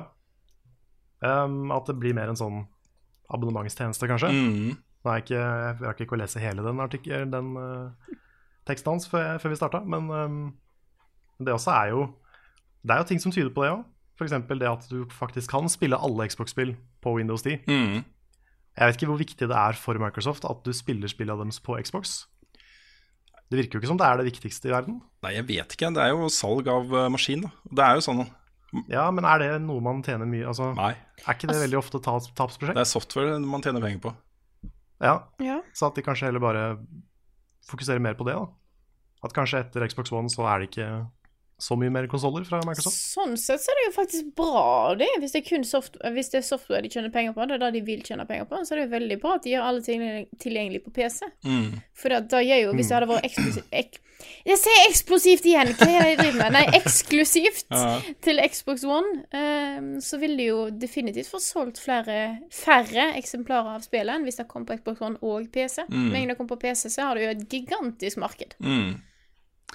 Nei, det, jeg, jeg tror det kan ligge noe der også. Jeg, jeg tror nok det behovet for å ha en eh, affordable uh, liten boks som bare skal håndtere spill, og eventuelt Netflix-streaming og sånne ting, uh, det vil det alltid være marked for. Så de kommer nok Jeg tipper at de fortsatt kommer til å beholde Xbox som en sånn boksbrand uansett, da. Men det er jo en PC. Altså det er jo en uh, PC som er lagd for å håndtere spill, og som dermed kan kjøre ganske heftige ting. Men jeg, har liksom, jeg føler at de siste par årene har vist oss at eh, ja, eh, Xbox One, og da særlig Xbox One X, er jo den kraftigste spillkonsollen på markedet. Eh, den kan tilby eh, eh, bedre framerate og høyere oppløsning og sånne ting enn det Også penere grafikk da enn konkurrentene. Teraflops. Ja, ikke sant. Det er ikke et veldig, veldig godt salgsargument for å kjøpe en konsoll. Fordi du, det er bare å ta én titt det, på Horizon, på vanlig PS4, så skjønner du liksom at ja, trenger jeg, Må det være så mye bedre enn dette? Trenger det å være så mye bedre enn dette? Jeg syns ikke det i det hele tatt. Uh, så I don't know. Nei. Nei, altså, jeg setter pris på framerate. Det gjør Ja. jeg, hvis det er 60 frames og ikke 30. Mm. Det merker jeg forskjell eh, på ganske, ganske kjapt. Men uh, jeg er ikke så investert i liksom at det må være 4K. I hvert fall ikke ennå. Mm. Det vil nok komme Eh, mer. Ja. Jeg må få meg en 4K-TV først, før jeg begynner å bry meg om det. Mm. Innser jeg. Mm. Men jeg merker at Microsoft gjør en del eh, spennende ting som jeg har sansen for. Uh, Bl.a. Xbox GamePass-tjenesten sin. Uh, nye avatarsystemet de introduserer. Eh, det at man eh, kan velge da, å spille spill på PC eller eh, Xbox One hvis du har begge deler. Det, dette er jo ting jeg setter pris på. Dette er ting jeg syns er bra. eh, og det at også peripherals, altså håndkontroller og sånne ting, kan brukes på begge to. Alt dette her er jo på en måte bra ting, da. Eh, Så, så det handler egentlig bare om å ha et bibliotek som er fett, og som du har interesse av å ta en del av, ikke sant. Um, Bakoverkompatibiliteten på Xbox One X har blitt kjempebra. Uh, og Xbox One, selvfølgelig. Massevis av gamle spill som du kan eh, bare sette deg ned og spille. Eh, så, så de gjør så mye bra. Eh, og hadde du fått et bibliotek med absolutte toppspill, svære, svære ting liksom, som du må ha da enten en PC eller en Xbox One for å spille, så tar de et så stort skritt nærmere mitt hjerte. da. Jeg føler at jeg, min Xbox er PC-en min, og det er et problem hvis de har lyst til å selge masse Xboxer. I hvert fall for meg, da. Mm. Men det betyr i hvert fall ja, nei, jeg er helt enig. ja, Det betyr i hvert fall, tror jeg, da, at vi får et ganske morsomt nyhetsår, 2018. Jeg tror det kommer til å skje en del svære announcements her. Det begynner å liksom nærme seg at de girer, girer opp til en ny generasjon konsoller og fremtiden til spillkonsoller og sånne ting også. Eh, Så jeg tipper at det her kan bli et morsomt år også. Jeg har en følelse av at E3 2018 blir eh, kanon. Det kan fort bli det. Jeg har, ikke, jeg har ikke egentlig lyst på nye konsoller ennå. Nei, ikke heller. Jeg Jeg synes er det er så. Vi er i en sånn fin tid nå Mm. hvor, de, hvor alt som kommer ut, er så bra. Altså ikke alt er ikke bra, men Alle spill er bra. Ut, Alle- er bra. absolutt alle spill. Alt er bra. Ti av ti. Life of Black Tiger, Game of the Year. Men eh, nei, det er liksom, vi er, vi er forbi den der fasen hvor alle prøver å lære seg PlayStation 4 og Xbox One. Mm. Nå, har liksom, nå har folk skjønt hvordan de får mest mulig ut av de konsollene. Og nå bare pumper de ut så mye bra. Så det kan godt gi oss et par år til, Ja altså, så for å bare nyte det. Det er nok mulig at, eh, at selve konsoll-announcementene venter til neste år eller året deretter. Men mm. Ja. For det er ofte de, der, de første par åra med en ny konsoll, Mm. så er det mye ræl. Ja. Men det er sånn sånn, vi kommer til å få en ny generasjon med VR-utstyr eh, Ja. i år. Uh, og særlig Microsoft har Hvis de syns det er viktig, da. Man vet jo ikke om de syns det er viktig eller ikke. Men hvis de har lyst til å ta opp liksom, ordentlig konkurransen mot eh, Sony og Nintendo, så kommer de til å gjøre ting i år. De kommer til å ta grep liksom, og gjøre uh, greier. Så, så det tror jeg blir spennende.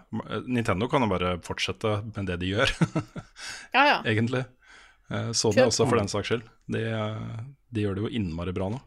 Så Microsoft blir liksom dark horse da inn i, i 2018 uh, som, eh, som spillår. True. Indeed. Da tar vi neste spørsmål her, som er fra Christer Sandum Thorsrud, som skriver Føler dere at det er på sin plass at enkelte spillselskaper legger ned utviklingen og oppfølgingen til et spill for å kunne fokusere på et annet? I dette tilfellet refererer jeg til Paragon og Epic Games, som tilsynelatende syn- tilsynelatende legger ned Paragon til fordel for Fortnite. Alle vet jo at spe I dag er en vanskelig dag for meg å snakke. Alle vet vi at selskaper blir oppretta for å tjene penger, men syns dere det er rikt riktig å kansellere et prosjekt for å fø et annet? Oh, jeg, jeg tror jeg, Det jo- altså, syns synd på, uh, på Epic Games hvis det var sånn at de uh, At de måtte, de måtte sitte og lage uh, Paragon. Et spill som Ja. man, man kunne se, liksom Jeg er ikke noe ekspert på verken sjangeren Moba eller dette spillet spesielt. Men uh, jeg vet jo at de tar opp konkurransen mot League of Legends og Dota 2 eh, og Heroes of the Storm. Og det å på en måte konkurrere i et sånt miljø hvor du har kjempesvære utgivelser med massevis av kjempefornøyde fans og hele pakka, er ikke lett, liksom. Det kan være ganske tungt. Så sitter du der og prøver og prøver og stanger for å få innpass og nok spillere til at det er verdt å gjøre det. Uh, og så sitter det et annet team på andre siden av gangen. Bare sånn Fortnite er liksom tidene kjappest solgte, og alle bare elsker det, og det er liksom Battle Royale, og alt er bare supert, liksom. Det er akkurat den samme situasjonen som var med uh, Visceral Games. Som ble liksom tvunget til å sitte og lage ting for EA. Uh, mens de egentlig hadde lyst til å jobbe med dette Star Wars-spillet til Amy Hennig, som ikke ble noe av. Eh, hvor, det, hvor det rapporteres om sånn ordentlig murring internt, ikke sant? med to teams. Det ene satt og var grinda ut ting for penger, mens det andre satt og drømte opp dritkule ting, liksom. Så uh, jeg, jeg forstår jo at uh, at Ja, det er en situasjon som kanskje ikke, ikke hadde så lyst til å ha da, hos seg. Nei. Jeg skjønner jo litt òg, hvis du sitter der de, de sier jo at det er fordi at de fikk ikke spillet morsomt nok, eller interessant nok. Og da kan jeg Da tror jeg ikke bare i en unnskyldning for bare si, Ja, den bare legge den der som bare kan tjene penger på Fortnite. Jeg tror på dem når de sier det. Er- Hvis du ikke Hvis de hadde hatt et spill som var morsomt og interessant og gøy nok til at du kunne At de lett kunne banka ut League of Legends, så tror jeg ikke Epic Games hadde gitt slipp på det. nei. Da kunne de plutselig ha to gigantspill, både Fortnite og et nytt Moba-spill. Men hvis jeg da sitter der og ser at dette her går ikke, dette her får vi ikke interessant, og de har mulighet til å satse enda mer på Fortnite, så skjønner jeg godt at de hopper til det skipet der, altså. Mm. Ja, det er en brutal eh, bransje, dette her. Og samme skjedde jo med liksom Gearbox med, med Battleborn kontra Overwatch. Mm. Det er liksom, så fort det dukker opp til sånne kjemper, så er det, det skal mye til å konkurrere med de. Altså. Mm. Mm.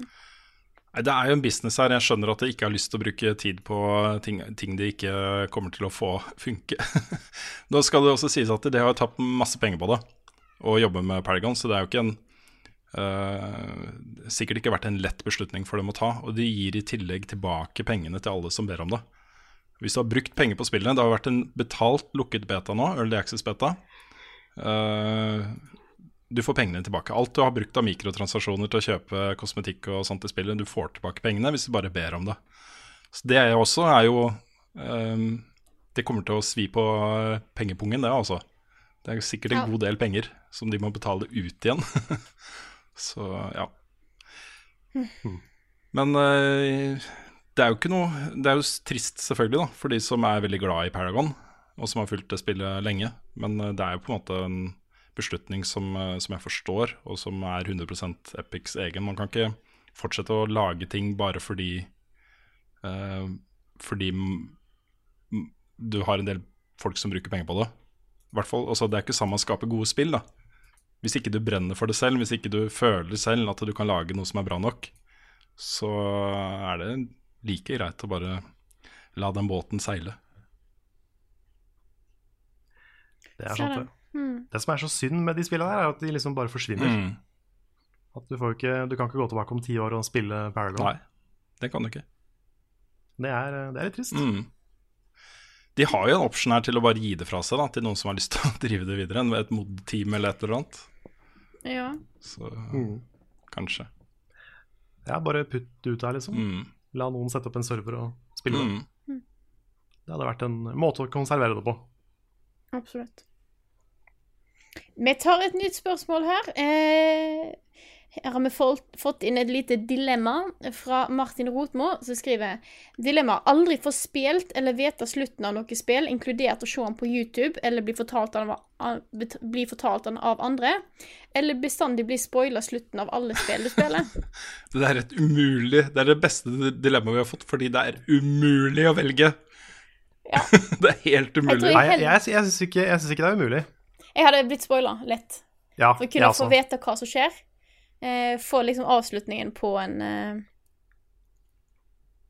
På en historie. Selv om jeg får vite den på forhånd. De har faktisk gjort en test av dette her. Scientific test. Eh, det her kom jeg inn med en litt sånn science fun fact eh, innimellom her. De testa på en hel haug med folk eh, som skulle få lese ei bok med en svær plot twist på slutten. Eh, og den ene gruppa fikk vite om plot twisten på, før de begynte. Eh, hva han var, og hva han handla om, og alt dette her. Mens de andre ikke fikk gjøre det. Så leste de boka. Ganske sikker på det var ei bok. Eh, og etterpå så rata de hva de syns om boka. Og gjennomsnittlig så hadde de som hadde fått spoila den plot twisten, et bedre inntrykk av boka enn de som ikke hadde fått spoila. Så Interessant. med rot i vitenskap her, folkens, og forskning, så går jeg for å få spoila slutten. Grunnen til at jeg Ja, jeg syns, jeg syns begge deler suger, Ja, for, for, for min del. Eh, men jeg hadde ikke mm, sagt ja til å bare starte på 100 historier, aldri få vite åssen de slutter. Det er helt Ja, uaktuelt. Så det, det måtte blitt spoiling. det er for så vidt eh, sant, det også. Men, men jeg, er så, jeg hater spoilere så mye at det, derfor syns jeg det er nesten umulig. Altså, jeg, jeg vil ikke Jeg vil virkelig ikke vite noe. I hvert fall ikke plot twists og slutter, slutter og sånne ting. Eh, Så um, ja. Nei, da hadde jeg vært en miserabel gamer også, hvis jeg måtte velge mellom eh, de to tingene der. Takk for at du ødela dagen min, eh, Martin.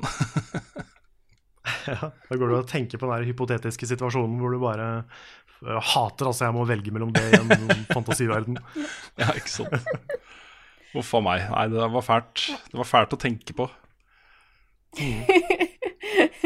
Men da kan Ja, vi gå men videre. Hæ? Ja, nei, det, men det er noe i det at liksom veldig mange av de beste øyeblikka, det er jo de overraskelsene Mm. Ja. i historier. Sånn der du finner ut at 'å, shit, det er sånn', Mm. og du får frysninger. Det er, det er veldig trist å miste de. Det er det. Ja, og så er det jo et eh, formildende punkt, da. At eh, det er jo ikke alle spill som er sånn. som har sånn Altså Nei avslutningen er liksom den ene kruttsterke tingen som løfter hele greia. Nei, jeg tror ikke du ehm, Jeg tror ikke du hadde sagt at Mario Odyssey var én av ti hvis du fikk vite hva som skjedde. Nei, ikke sant? Jeg ville ikke det. Men her, han har en, en tilleggsting her, skjønner du. Som skriver jeg eh, Skyt inn at hvis du aldri får spilt eller blir fortalt slutten, vil du heller ikke vite om han var bra? Eller Altså, ville du da ha hørt om at ja, spillet har en bra slutt, eller ikke høre noe om det? Du kunne ha blitt, du kunne ha blitt Da kunne du lagd YouTube-kanal hvor du bare spekulerer i hvordan alle spill slutter. Du bare lager dine Ja. egne slutter, ikke sant? Det kan du gjøre. Det har du YouTube-kanal right there. Mhm. Men vi hopper videre til neste spørsmål her. Det er fra James Remo Walker, som skriver Hva videoer fra Level Up er dere mest stolte av å ha laga? Hmm. Hmm. Her burde jeg vært litt forberedt, kjenner jeg. nei, det vet jeg ikke. Ingen uh... Nei, jeg tror kanskje Jeg er ganske fornøyd med anmeldelsen av NAC 2. Um, den videoen jeg lagde om eh, Final Fantasy 15-slutten, Mm. er jeg fornøyd med. Og Noscope. Noscope er konge. Alle de tingene er konge. Mm. Nei, jeg, jeg vet ikke. Jeg tror kanskje det som er nærmest Jeg føler jeg har liksom fortsatt en god del igjen da før jeg er, lager så bra videoer som jeg har lyst til å lage. Uh, så jeg føler ikke jeg har lagd min beste video ennå. Men den som jeg kanskje har vært nærmest, har vært den um, Trials-videoen jeg lagde. Ice Climber-videoen. hvor jeg var liksom journalist, ikke sant. Jeg fikk tak i Redlinks og fikk to av level-designerne der til å uh, bli intervjua på Skype. Og jeg fikk tak i han ene som hadde kommet seg til toppen av Ice Climb-banen i Trials Fusion. Uh, og gjorde et intervju med han. Og fikk liksom bra opptak fra hele runnen hans og alt. da Og så ble det en sånn liten minidokumentar av det. Som ble lagd på én dag, liksom. Det var ikke noe masse jobb med det, men det var en god idé som funka veldig bra i praksis. Det er kanskje den jeg er mest fornøyd med. Jeg, ikke, jeg vil ikke si jeg er stolt av den, men jeg er fornøyd med den. Jeg syns den funker. Så kanskje den. Jeg er veldig fornøyd med eh, reportasjen jeg hadde fra The Gathering. Det er rett og slett fordi at jeg, da at jeg er helt tatt Jeg syns det å gå og snakke med random folk er skikkelig kleint. Det syns jeg også. Og jeg har vært journalist Ja. i 20 år, liksom. Ja, intervjuer blir jeg aldri vant til. Nei. Det er vanskelig. Det er dritvanskelig. Nei, så det Det at jeg gjorde det, og jeg, jeg har sett på den i senere tid Jeg faktisk sjekker på den, for jeg skal prøve å finne ut hva musikk jeg har brukt i tidligere reportasjer og sånt. Jeg, sa at jeg er skikkelig fornøyd med den. Mm. Det var bra. Jeg ikke bare snakker jeg med random folk, jeg intervjuer folk som drev med cosplay, og så snakker jeg med han der som drev med IT, og som hadde en stand, og gjorde, gjorde så mye kult. Og så disse her eh, jækla eh, TG Cribs. ja, det var kjempegøy. Ja, Jeg, jeg hadde glemt den. Ja. TG Cribs. Så eh, kanskje den. Og så Et av de- de morsomste øyeblikkene i Level Ups historie også er når folk ropte 'Hei, bloggen min', 'Hei, rosa bloggen Ja. min', eller Hei, Rosa-bloggen! Mens de gikk forbi og snakka i kamera. Det er kjempegøy, kjempegøy. så det var, det var så mye bra som skjedde i den reportasjen. Eh, Så den er jeg fornøyd med. Mm. Ja, den var kjempebra. Eh, ja, skal vi se her. Jeg lurer litt på om jeg skal gi, kaste ballen over til dere og gi dere en- litt ansvar for å snakke om spørsmål og sånt. Nå som vi begynner å nærme oss slutten på min liste. Ja da, jeg har gjort et lite utvalg her. Um, fått et spørsmål fra uh, Tree Adventures på Patreon som lurer på om jeg har reflektert uh, rundt det å bruke barna mine på video i Minecraft-serien. Og ja, det har jeg tenkt mye på. Jeg har vært veldig mye fram og tilbake på om jeg skulle gjøre det eller ikke. Um, jeg vet fortsatt ikke helt om jeg har valgt det riktige. Jeg gjør ikke det, altså. Men uh, det er Jeg anser det som såpass ufarlig, og de syns det er såpass gøy, at, uh, at jeg tenker det går greit. Uh, jeg håper det går greit. Jeg tror egentlig grunnen til at jeg landa på at det At jeg kunne gjøre det, var at jeg prøver ikke å gjemme meg bort selv. Liksom. Det er ikke vanskelig å finne meg. Hvis noen absolutt vil finne meg, så, så kan de det. Um, og det er uh, Jeg velger å tro da at uh, både seerne våre og det samfunnet vi lever i, er uh, OK med det. Så Men ja, det er en pågående diskusjon jeg har med meg selv om det er greit eller ikke. Jeg har jo endra litt praksis på, på sosiale medier også når det gjelder ungene mine. Jeg er mye mer forsiktig med å legge ut bilder uh, og sånt nå enn jeg var før. Jeg har gått og justert uh, hvem som har tilgang til disse bildene i etterkant uh, også. ingenting som legges ut offentlig der. det skal de få lov til å ha privat. Jeg legger ikke ut noen grinebilder av ungene lenger, som jeg dessverre har gjort et par ganger. Uh, og så, videre. så det er viktig å være bevisst på de tingene. Og jeg har møtt meg selv litt uh, i døra der et par ganger, og endra litt praksisen min. Så, så får vi se. Men det er et vanskelig, vanskelig, tema, og et viktig tema å reflektere over når man har barn. Så jeg håper at jeg har valgt riktig, men jeg vet ikke helt sikkert. Så vi får se. Hmm. Hva tenker dere? Ja. Er det, er det innafor å ha med barn i sånt? Det er, dette er så ting som er så vanskelig, for dette er, Ja. det er problemet med den verden vi lever i i dag, med, med internett og greier. Mm. Og jeg tenker at det, det er noen som legger ut absolutt alt med ungene sine. Nye bilder hver dag. Mm. Så enormt eh, eh, der. Da syns jeg blir er feil. Men da Jeg ser ingenting Jeg har ikke reagert på at du har med ungene dine i video sånn som du har nå. Nei. Jeg tror grunnen, altså Det som gjorde at, det, at jeg landa på at det er innafor, er at for mange mange år siden så lagde jeg en reportasje om uh, et spill fra Artplant som het Henga og Bia. Hvor eh, Jack i Artplant hadde med ungene sine på kontoret eh, for å være liksom med i reportasjen i VG.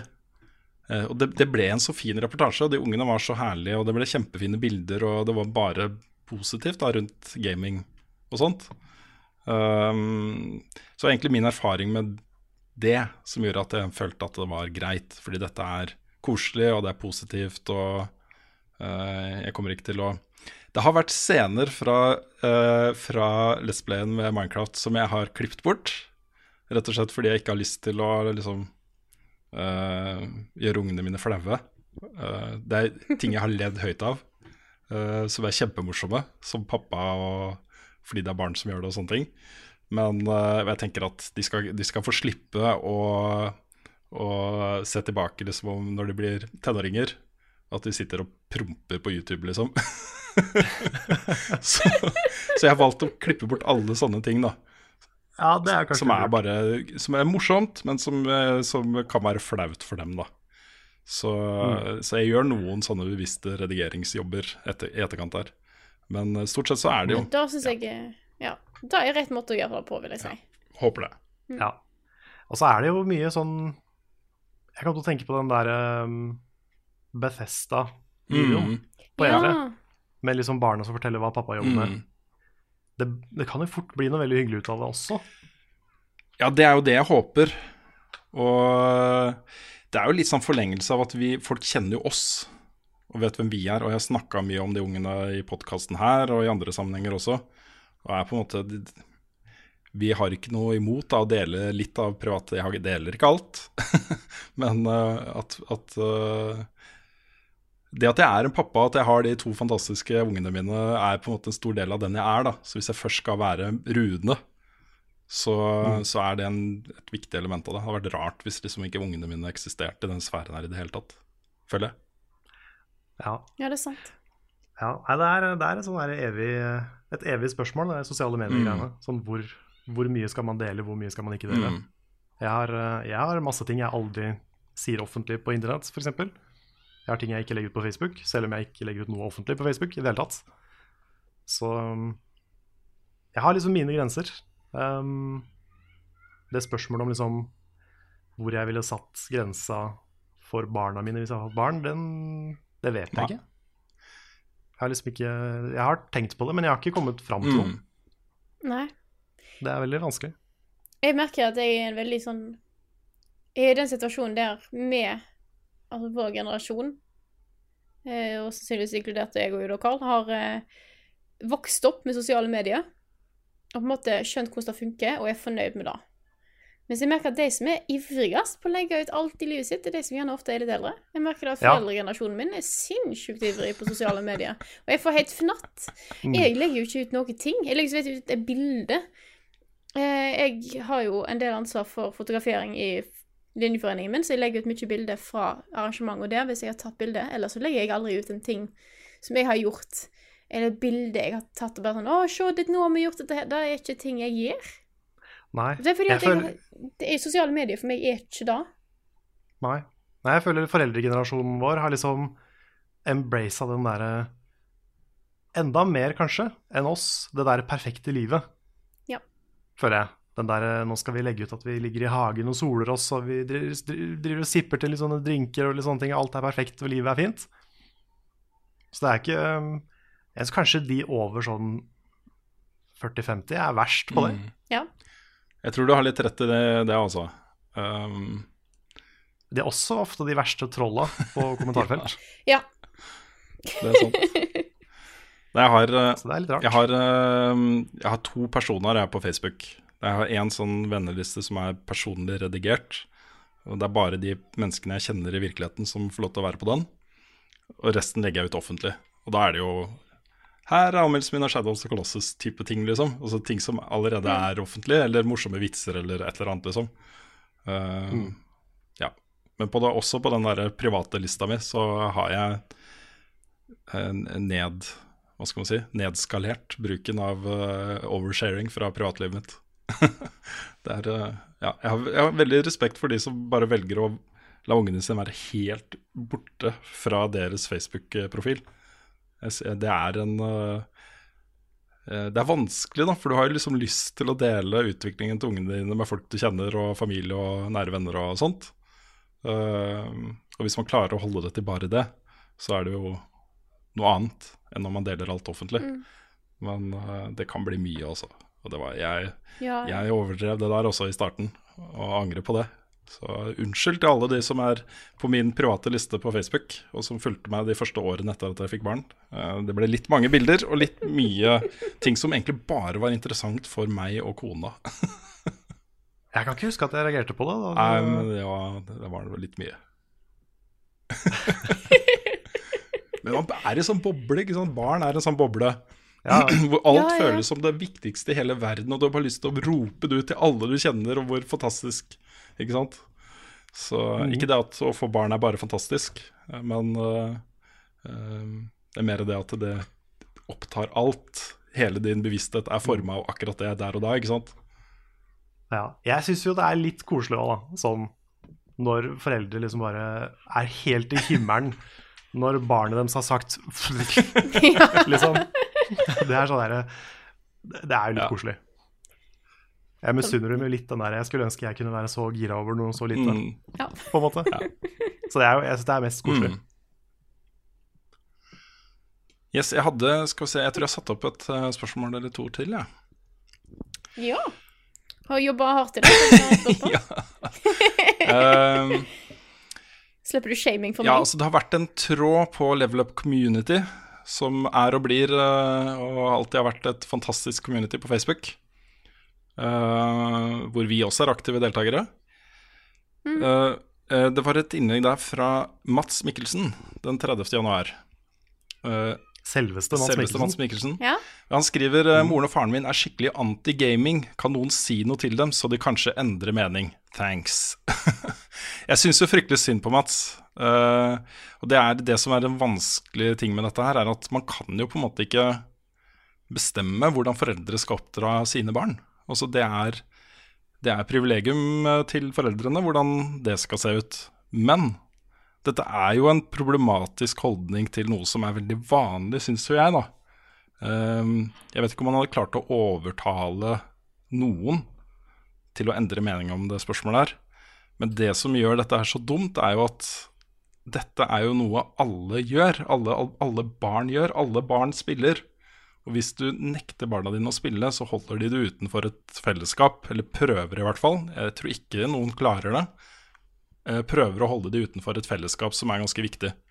Så hvis jeg hadde fått muligheten til å snakke med foreldrene til Mats, så tror jeg kanskje det er det jeg ville ha sagt. Jeg ville forklart at eh, spill ikke er eh, farlig, at spill er helt vanlig, og at eh, hvis eh, Mats ikke får lov til å spille, så kanskje han ikke blir inkludert i alle de sosiale tingene som vennene hans gjør, og klassekameratene hans gjør. For det kan være et mye større problem enn da eventuelt at han blir påvirka negativt av å spille. Mener jeg, da. Det spørs jo òg litt hva du spiller her til det er mitt argument som kommer nå, men jeg så jo òg i den tråden da at han nevner at foreldre annet leser bøker og ser film og sånne ting.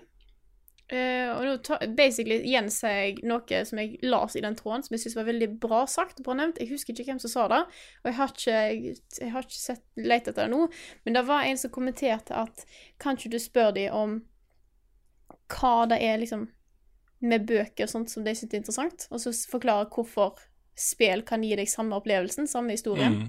som en film. Bare enda mer interaktivt. For det er jo like gode historier du finner i spill som i bøker. Det er samme type underholdning, egentlig.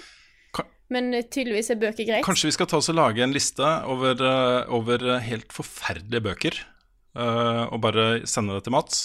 Og så kanskje sende ham bøkene. At vi kan lage en sånn liten uh, aksjon Hvor vi kjøper American Ja. Psycho og alle de forferdelige, de verste bøkene som fins, og sender det til han. Så kan han sitte sånn demonstrativt i stua si og lese de bøkene. Eller, eller så kan han, ta en, han kan kjøpe en safe og putte de bøkene inn i safen. Si til mammaen og pappaen sin dette her får dere Ja, ikke ja, ja. lese, for dere blir påvirka. Begynne å brenne et Lag så sånn bål utenfor, uh, utenfor huset, Sette, sette, sette fyr på Mein Kampf og greier, for liksom. eksempel. Ja. Ja. Mm. Og begynne å, begynne å liksom bare gå i tog for å banne flest mulig Mm. bøker. Så nei da, men ehm, Nei, det, det er vanskelig å liksom bekjempe foreldres fordommer mot uh, interesser. Det har jeg også erfart. Nå har jo heldigvis uh, mamma og pappa uh, skjønt med åra at spill ikke bare er noe som er gøy for barn og sånn. Um, men det var jo en prosess. Jeg husker Mm. det. Jeg, husker, jeg har det- sagt det før, da sukker og mamma sitt sa- utsagn om at ja, du vokser da sikkert av deg. Mm. Ja, for den fikk Ja jeg òg. At Ja. eh, mamma, var, mamma var overbevist om at jeg ikke kom til å spille når jeg var over 20. Apropos det, Så- da, så i uka som gikk, så, eh, så hadde jeg moren min på besøk på dagtid på mandag. eh, fordi hun hadde lyst til å spille spill. Hun hadde lyst til å se litt spill. Eh, og da tok jeg ditt tips, Carl, og viste henne The Witness, som hun fikk lov til å spille Ja, selv. ja, så jeg. Hun ble så engasjert. Hun var ordentlig ordentlig gira på det. Hun eh, sliter med å forstå liksom hva spakene gjør og knappene gjør, og komme seg fra puzzle til puzzle og sånne ting. Men det å løse puzzlene syns hun var kjempegøy. Mm. Jeg har veldig troa på The Witness som et sånt Mm. Ja, det tror jeg også. Eh, men jeg har ett et råd til til Mats, da. Eh, og det er, eh, for å sånn litt tilbake til det jeg starta med, det er ikke Det er foreldrene dine som dessverre bestemmer i, i den tingen her. Eh, det er eh, mulig å være gode foreldre og dårlige foreldre og passeforeldre og sånne ting. De, eh, de bestemmer. Sånn, sånn er det bare. Til du er 18 år gammel, så er det de som bestemmer. Så mitt forslag til deg, da, Mats, det er å nå begynne å spare. Sett av litt penger. Hver gang du får litt penger, sett av, begynn å spare. Så den dagen du blir 18, og i hvert fall den dagen du flytter for deg selv, flytter ut, kjøp deg bare det feteste gamingrigget du kan forestille deg, med alle konsoller og spill og surround sound og svær TV og hele pakka, liksom.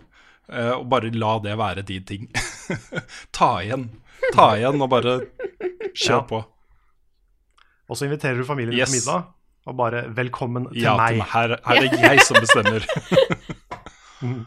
Ja, det er dumt å le av det, kanskje, for det er jo ganske fælt for han da, tror jeg. Eh, Du har så lyst, ikke sant?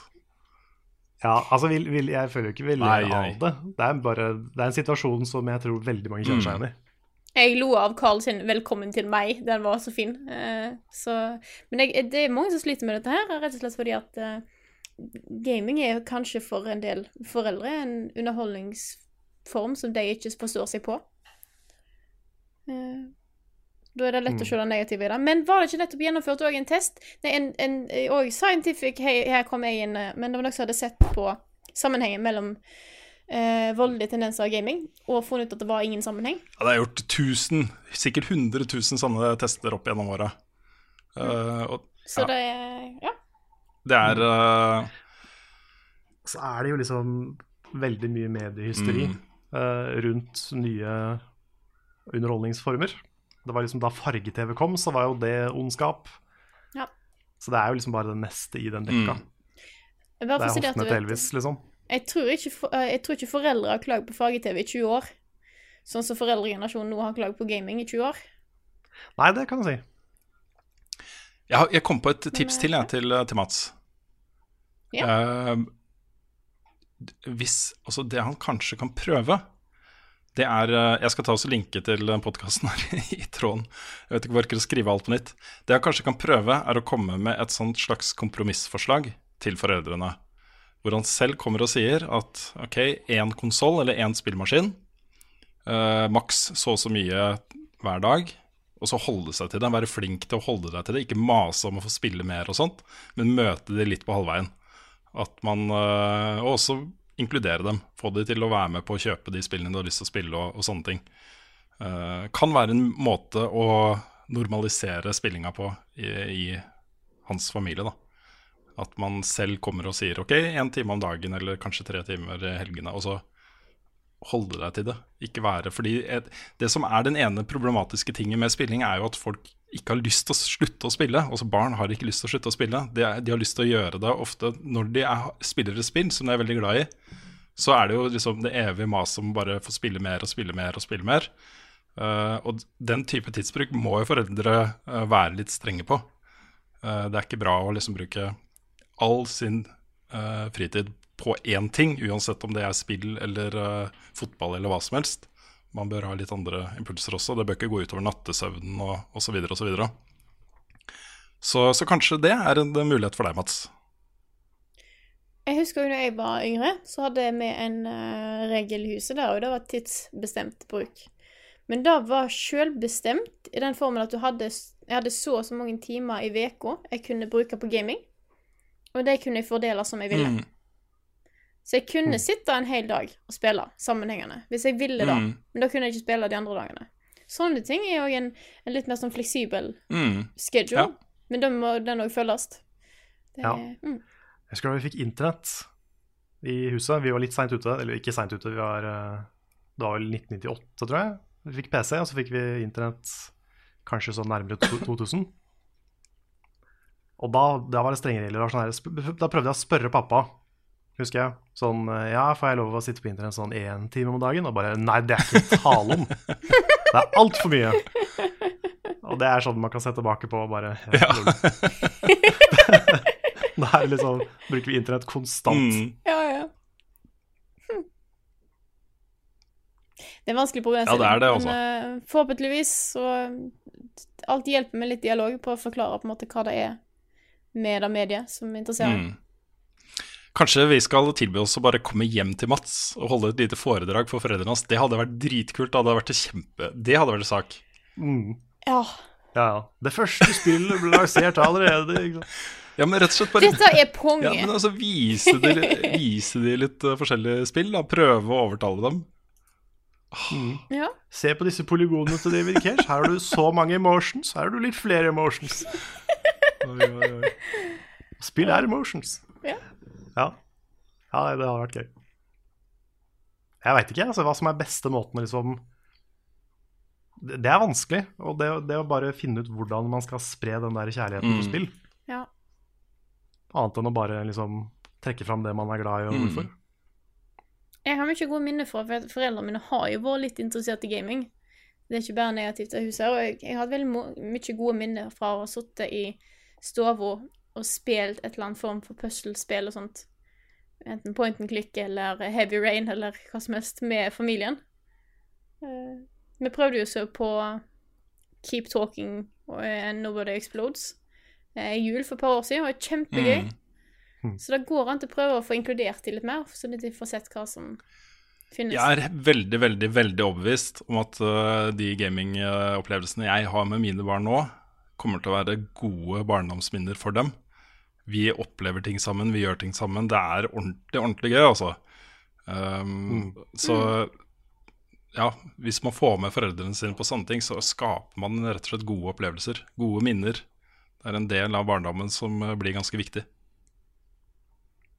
Absolutt.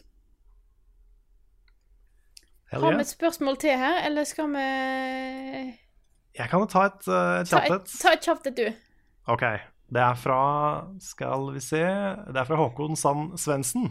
Eh, vet ikke hvorfor jeg stiller dette spørsmålet, men er noen av dere religiøse på noen måte? Tenkte bare for å ta et ikke-spillrelatert spørsmål i det hele tatt. Jeg vet ikke om jeg har lyst til å svare på det.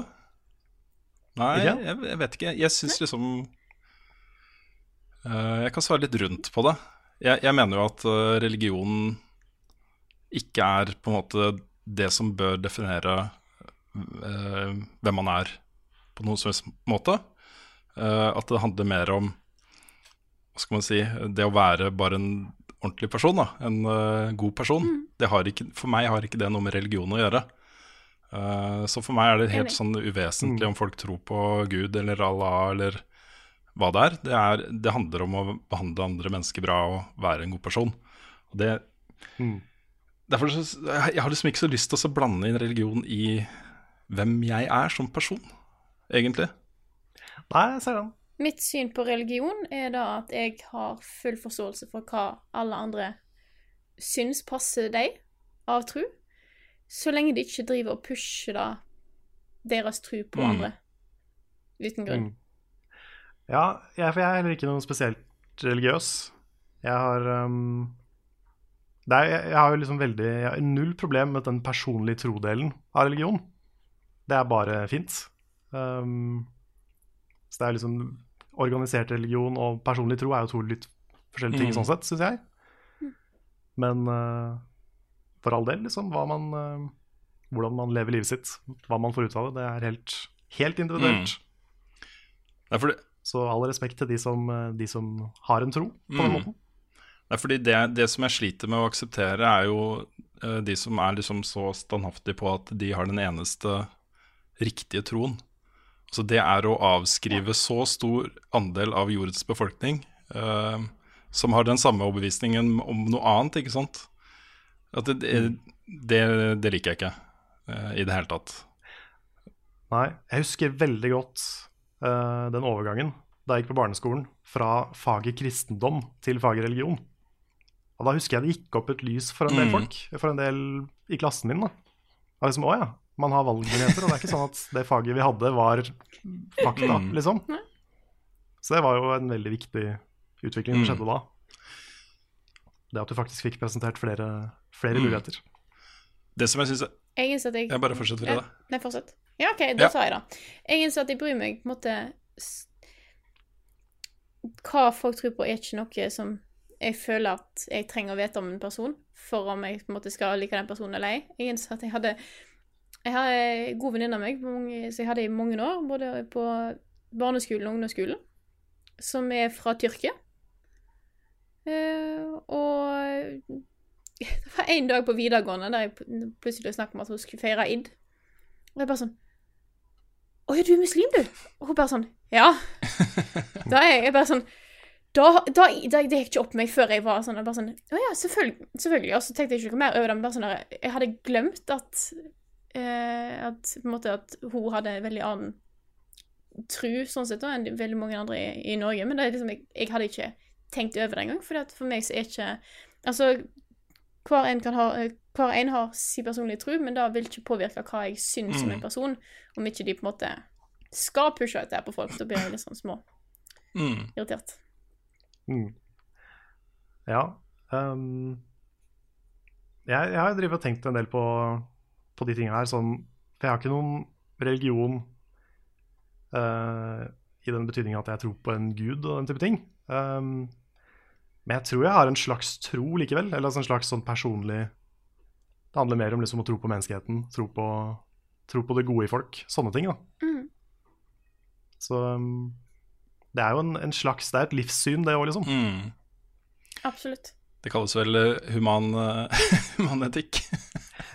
Ja, det, det gjør jo for så vidt det. Men jeg, igjen da så tenker jeg sånn Vet ikke 100% hva alt det går ut på. Så jeg, har ikke lyst til å, jeg er litt forsiktig med å kalle meg noe. Det er jo også den, eh, den største og mest kjente humanisten i historien er jo Jesus. Så Ja. Mm. Ja. Det som jeg syns er eh, mest spennende da, når man snakker om religion og hva vi kommer fra og hva ting betyr og sånne ting, det er jo at vi vet jo ikke. Altså, når jeg begynner å tenke på at universet er uendelig, og at det stammer fra Big Bang, og kanskje det fins liv på andre planeter Altså alle de spørsmålene rundt de tingene, så innser man at dette her kan man liksom ikke vite. Eh, Det er, det er så mye vi ikke vet. Eh, Og bare tanken om at vi har kommet fra ingenting, syns jeg er veldig rar nå. Selv om det er det vitenskapen prøver å si til oss, liksom. Så jeg vet jo ikke. Jeg har ikke noe, eh, noe forståelse av hva dette egentlig er her. Men jeg, altså At alt er så stort, og alt er så uendelig, og alle de tingene syns jeg er liksom en del av denne diskusjonen, da. Så jeg vet ikke helt hvor jeg ville med den, men det er uh...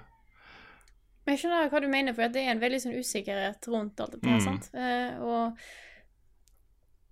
det er jo da de ofte sier at jo, på en måte, jo mer du lærer deg, jo mer skjønner du at du ikke kan. mm, Mm. Uh, Og jeg syns, jeg syns at astrofysikk og eh, verdensrommet er kjempespennende. Og er litt interessert i vitenskapen der, og det er veldig interessant alt dette med at eh, eh, Spesielt det som går rundt Ja, singularitet og sånne ting, som er en ganske fascinerende greie, som er det du sannsynligvis finner innerst i et svart hull. Kanskje som var det som var start på Big Bang, det, det vet jeg ikke. Men det er på en måte at universet utvider seg med en sånn hastighet at ting beveger Altså eh, Det er jo uendelig stort på en måte, men ikke likevel. Eh, men hva er det det utvider seg i? Hva er det som på en måte Det er veldig mye interessant der. Eh, men jeg velger da fortsatt, eh, eller ikke fortsatt, eh, jeg innser at jeg tror på jeg tror på mennesket og vitenskapen, og eh, så får vi se. Det er noen ting vil vi kanskje aldri kunne finne ut av ordentlig. Med vår tankekraft. Vi er jo ikke uendelig smarte personer. Vi kan jo bare det som resten av Som en sjøl og resten av verden har funnet ut av. Mm. True that. Og det, det holder som svar for meg. Jeg trenger Altså, jeg, jeg har jo selvfølgelig en nysgjerrighet fordi jeg er interessert i vitenskap, men jeg trenger ikke vite en spesifikk ting. Jeg syns den, den, den usikkerheten og mystikken som er i universet, syns jeg er nok for Mm. meg. Helt enig. Jepp. Og da har vi hatt en skikkelig lang podkast. Det ble plutselig det. Jeg trodde vi var on the route til å få en, eh, en kort og snappy podkast her, og så ble det ikke sånn allikevel. Vi var da? Ting lå ganske bra an før spørsmål og Mm. svar, og plutselig så havna vi inn på uh, The Mystery of Life. Um, Ikke minst så, må vi jo, så, så har vi, var vi gjennom uh, foreldre som ikke liker Mm. og det tar tid. Det var jo, det var jo mange, mange viktige Det var det. spørsmål Det var det. Var, ja. som vi selvfølgelig bare har de 100 korrekte svarene på. Uansett. 42. Men da tror jeg egentlig jeg bare får eh, si Vi må tusen takk til alle som støtter oss. Én ting Nei, før vi avslutter. Eh, Ja, 15. februar, Level Up, Buffkitten, to år, Tilt. Det kommer uh, post med det på Patreon-siden vår nå hvert øyeblikk. Den er sikkert ute innen uh, podkasten er ute. Uh, det blir et lukka arrangement med gjesteliste, og det blir Patreon-backerne våre som får tilbud om de billettene først. Så får vi se hvor mange som er interessert, og hvis det er nok, så blir det bare Patreon-backere på, på gjeste- gjestelista der, men det blir gratis, og det blir eh, gøy. Um, det er egentlig 23-årsgrense, men uh, til dette arrangementet så fikk vi lov til å ha 20-årsgrense. Uh, og hvis du er under 20, så kan du komme hvis du har med deg moren eller faren din. og da får ingen av, dere, ingen ingen av dere få lov til å drikke. Så, så det er reglene for arrangementet. Men det blir 15. februar, det er en torsdag, fra klokka 17.00 til klokken 23.00. Blir også streama live på Twitch TV slash Level Up Nord, og kommer også på YouTube dagen etter cirka. Så, Det det. men det jeg gleder meg altså. Det showet blir eh, gøy. Med, håper liksom vi har lært litt da, med de liveshowene vi har hatt uh, til nå. At vi kan tilpasse og lage et litt nytt type show. Med de erfaringene vi har bak Mm. oss. Vi får, vi får prøve på det. Jeg håper ikke folk da forventer eh, kilden eh, kvalitet, for det blir det ikke. Det er ikke. Vi har ikke 14 personer bak kamera som jobber for oss. Um, det blir mer à la den første anniversary-streamen vår. Men vi skal prøve å gjøre det litt mer variert, variert, kanskje. Teste litt Ja. ting. Mm. Kanskje litt duell. Kanskje litt Mhm. greie. Litt Ja, denne podkasten her vil jo f.eks. bli spilt inn der. Altså denne uka. Ja.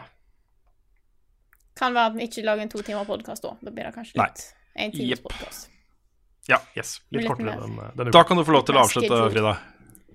Da vil jeg Ja, jeg, jeg visste jo ikke om at vi skulle snakke om eh, toårsjubileet, men da eh, har vi gjort det. Så det bare å komme med den informasjonen.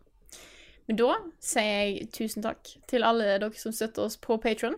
Uten dere så kunne vi ikke gjort dette her, og hvis du eh, syns at eh, du som hører på, ikke støtter oss på Patron, men eh, har lyst til å støtte oss med det beløpet du syns da du har lyst til, egentlig.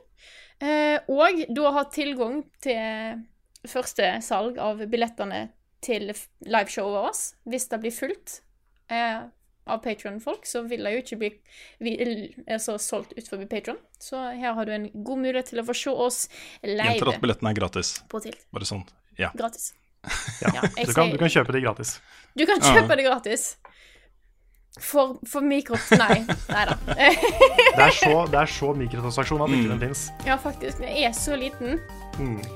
Nei, men da tror jeg egentlig vi bare får takke for oss for denne gangen. Tusen takk for akkurat du hørte på denne episoden av Level Backup, og så snakkes vi igjen neste uke.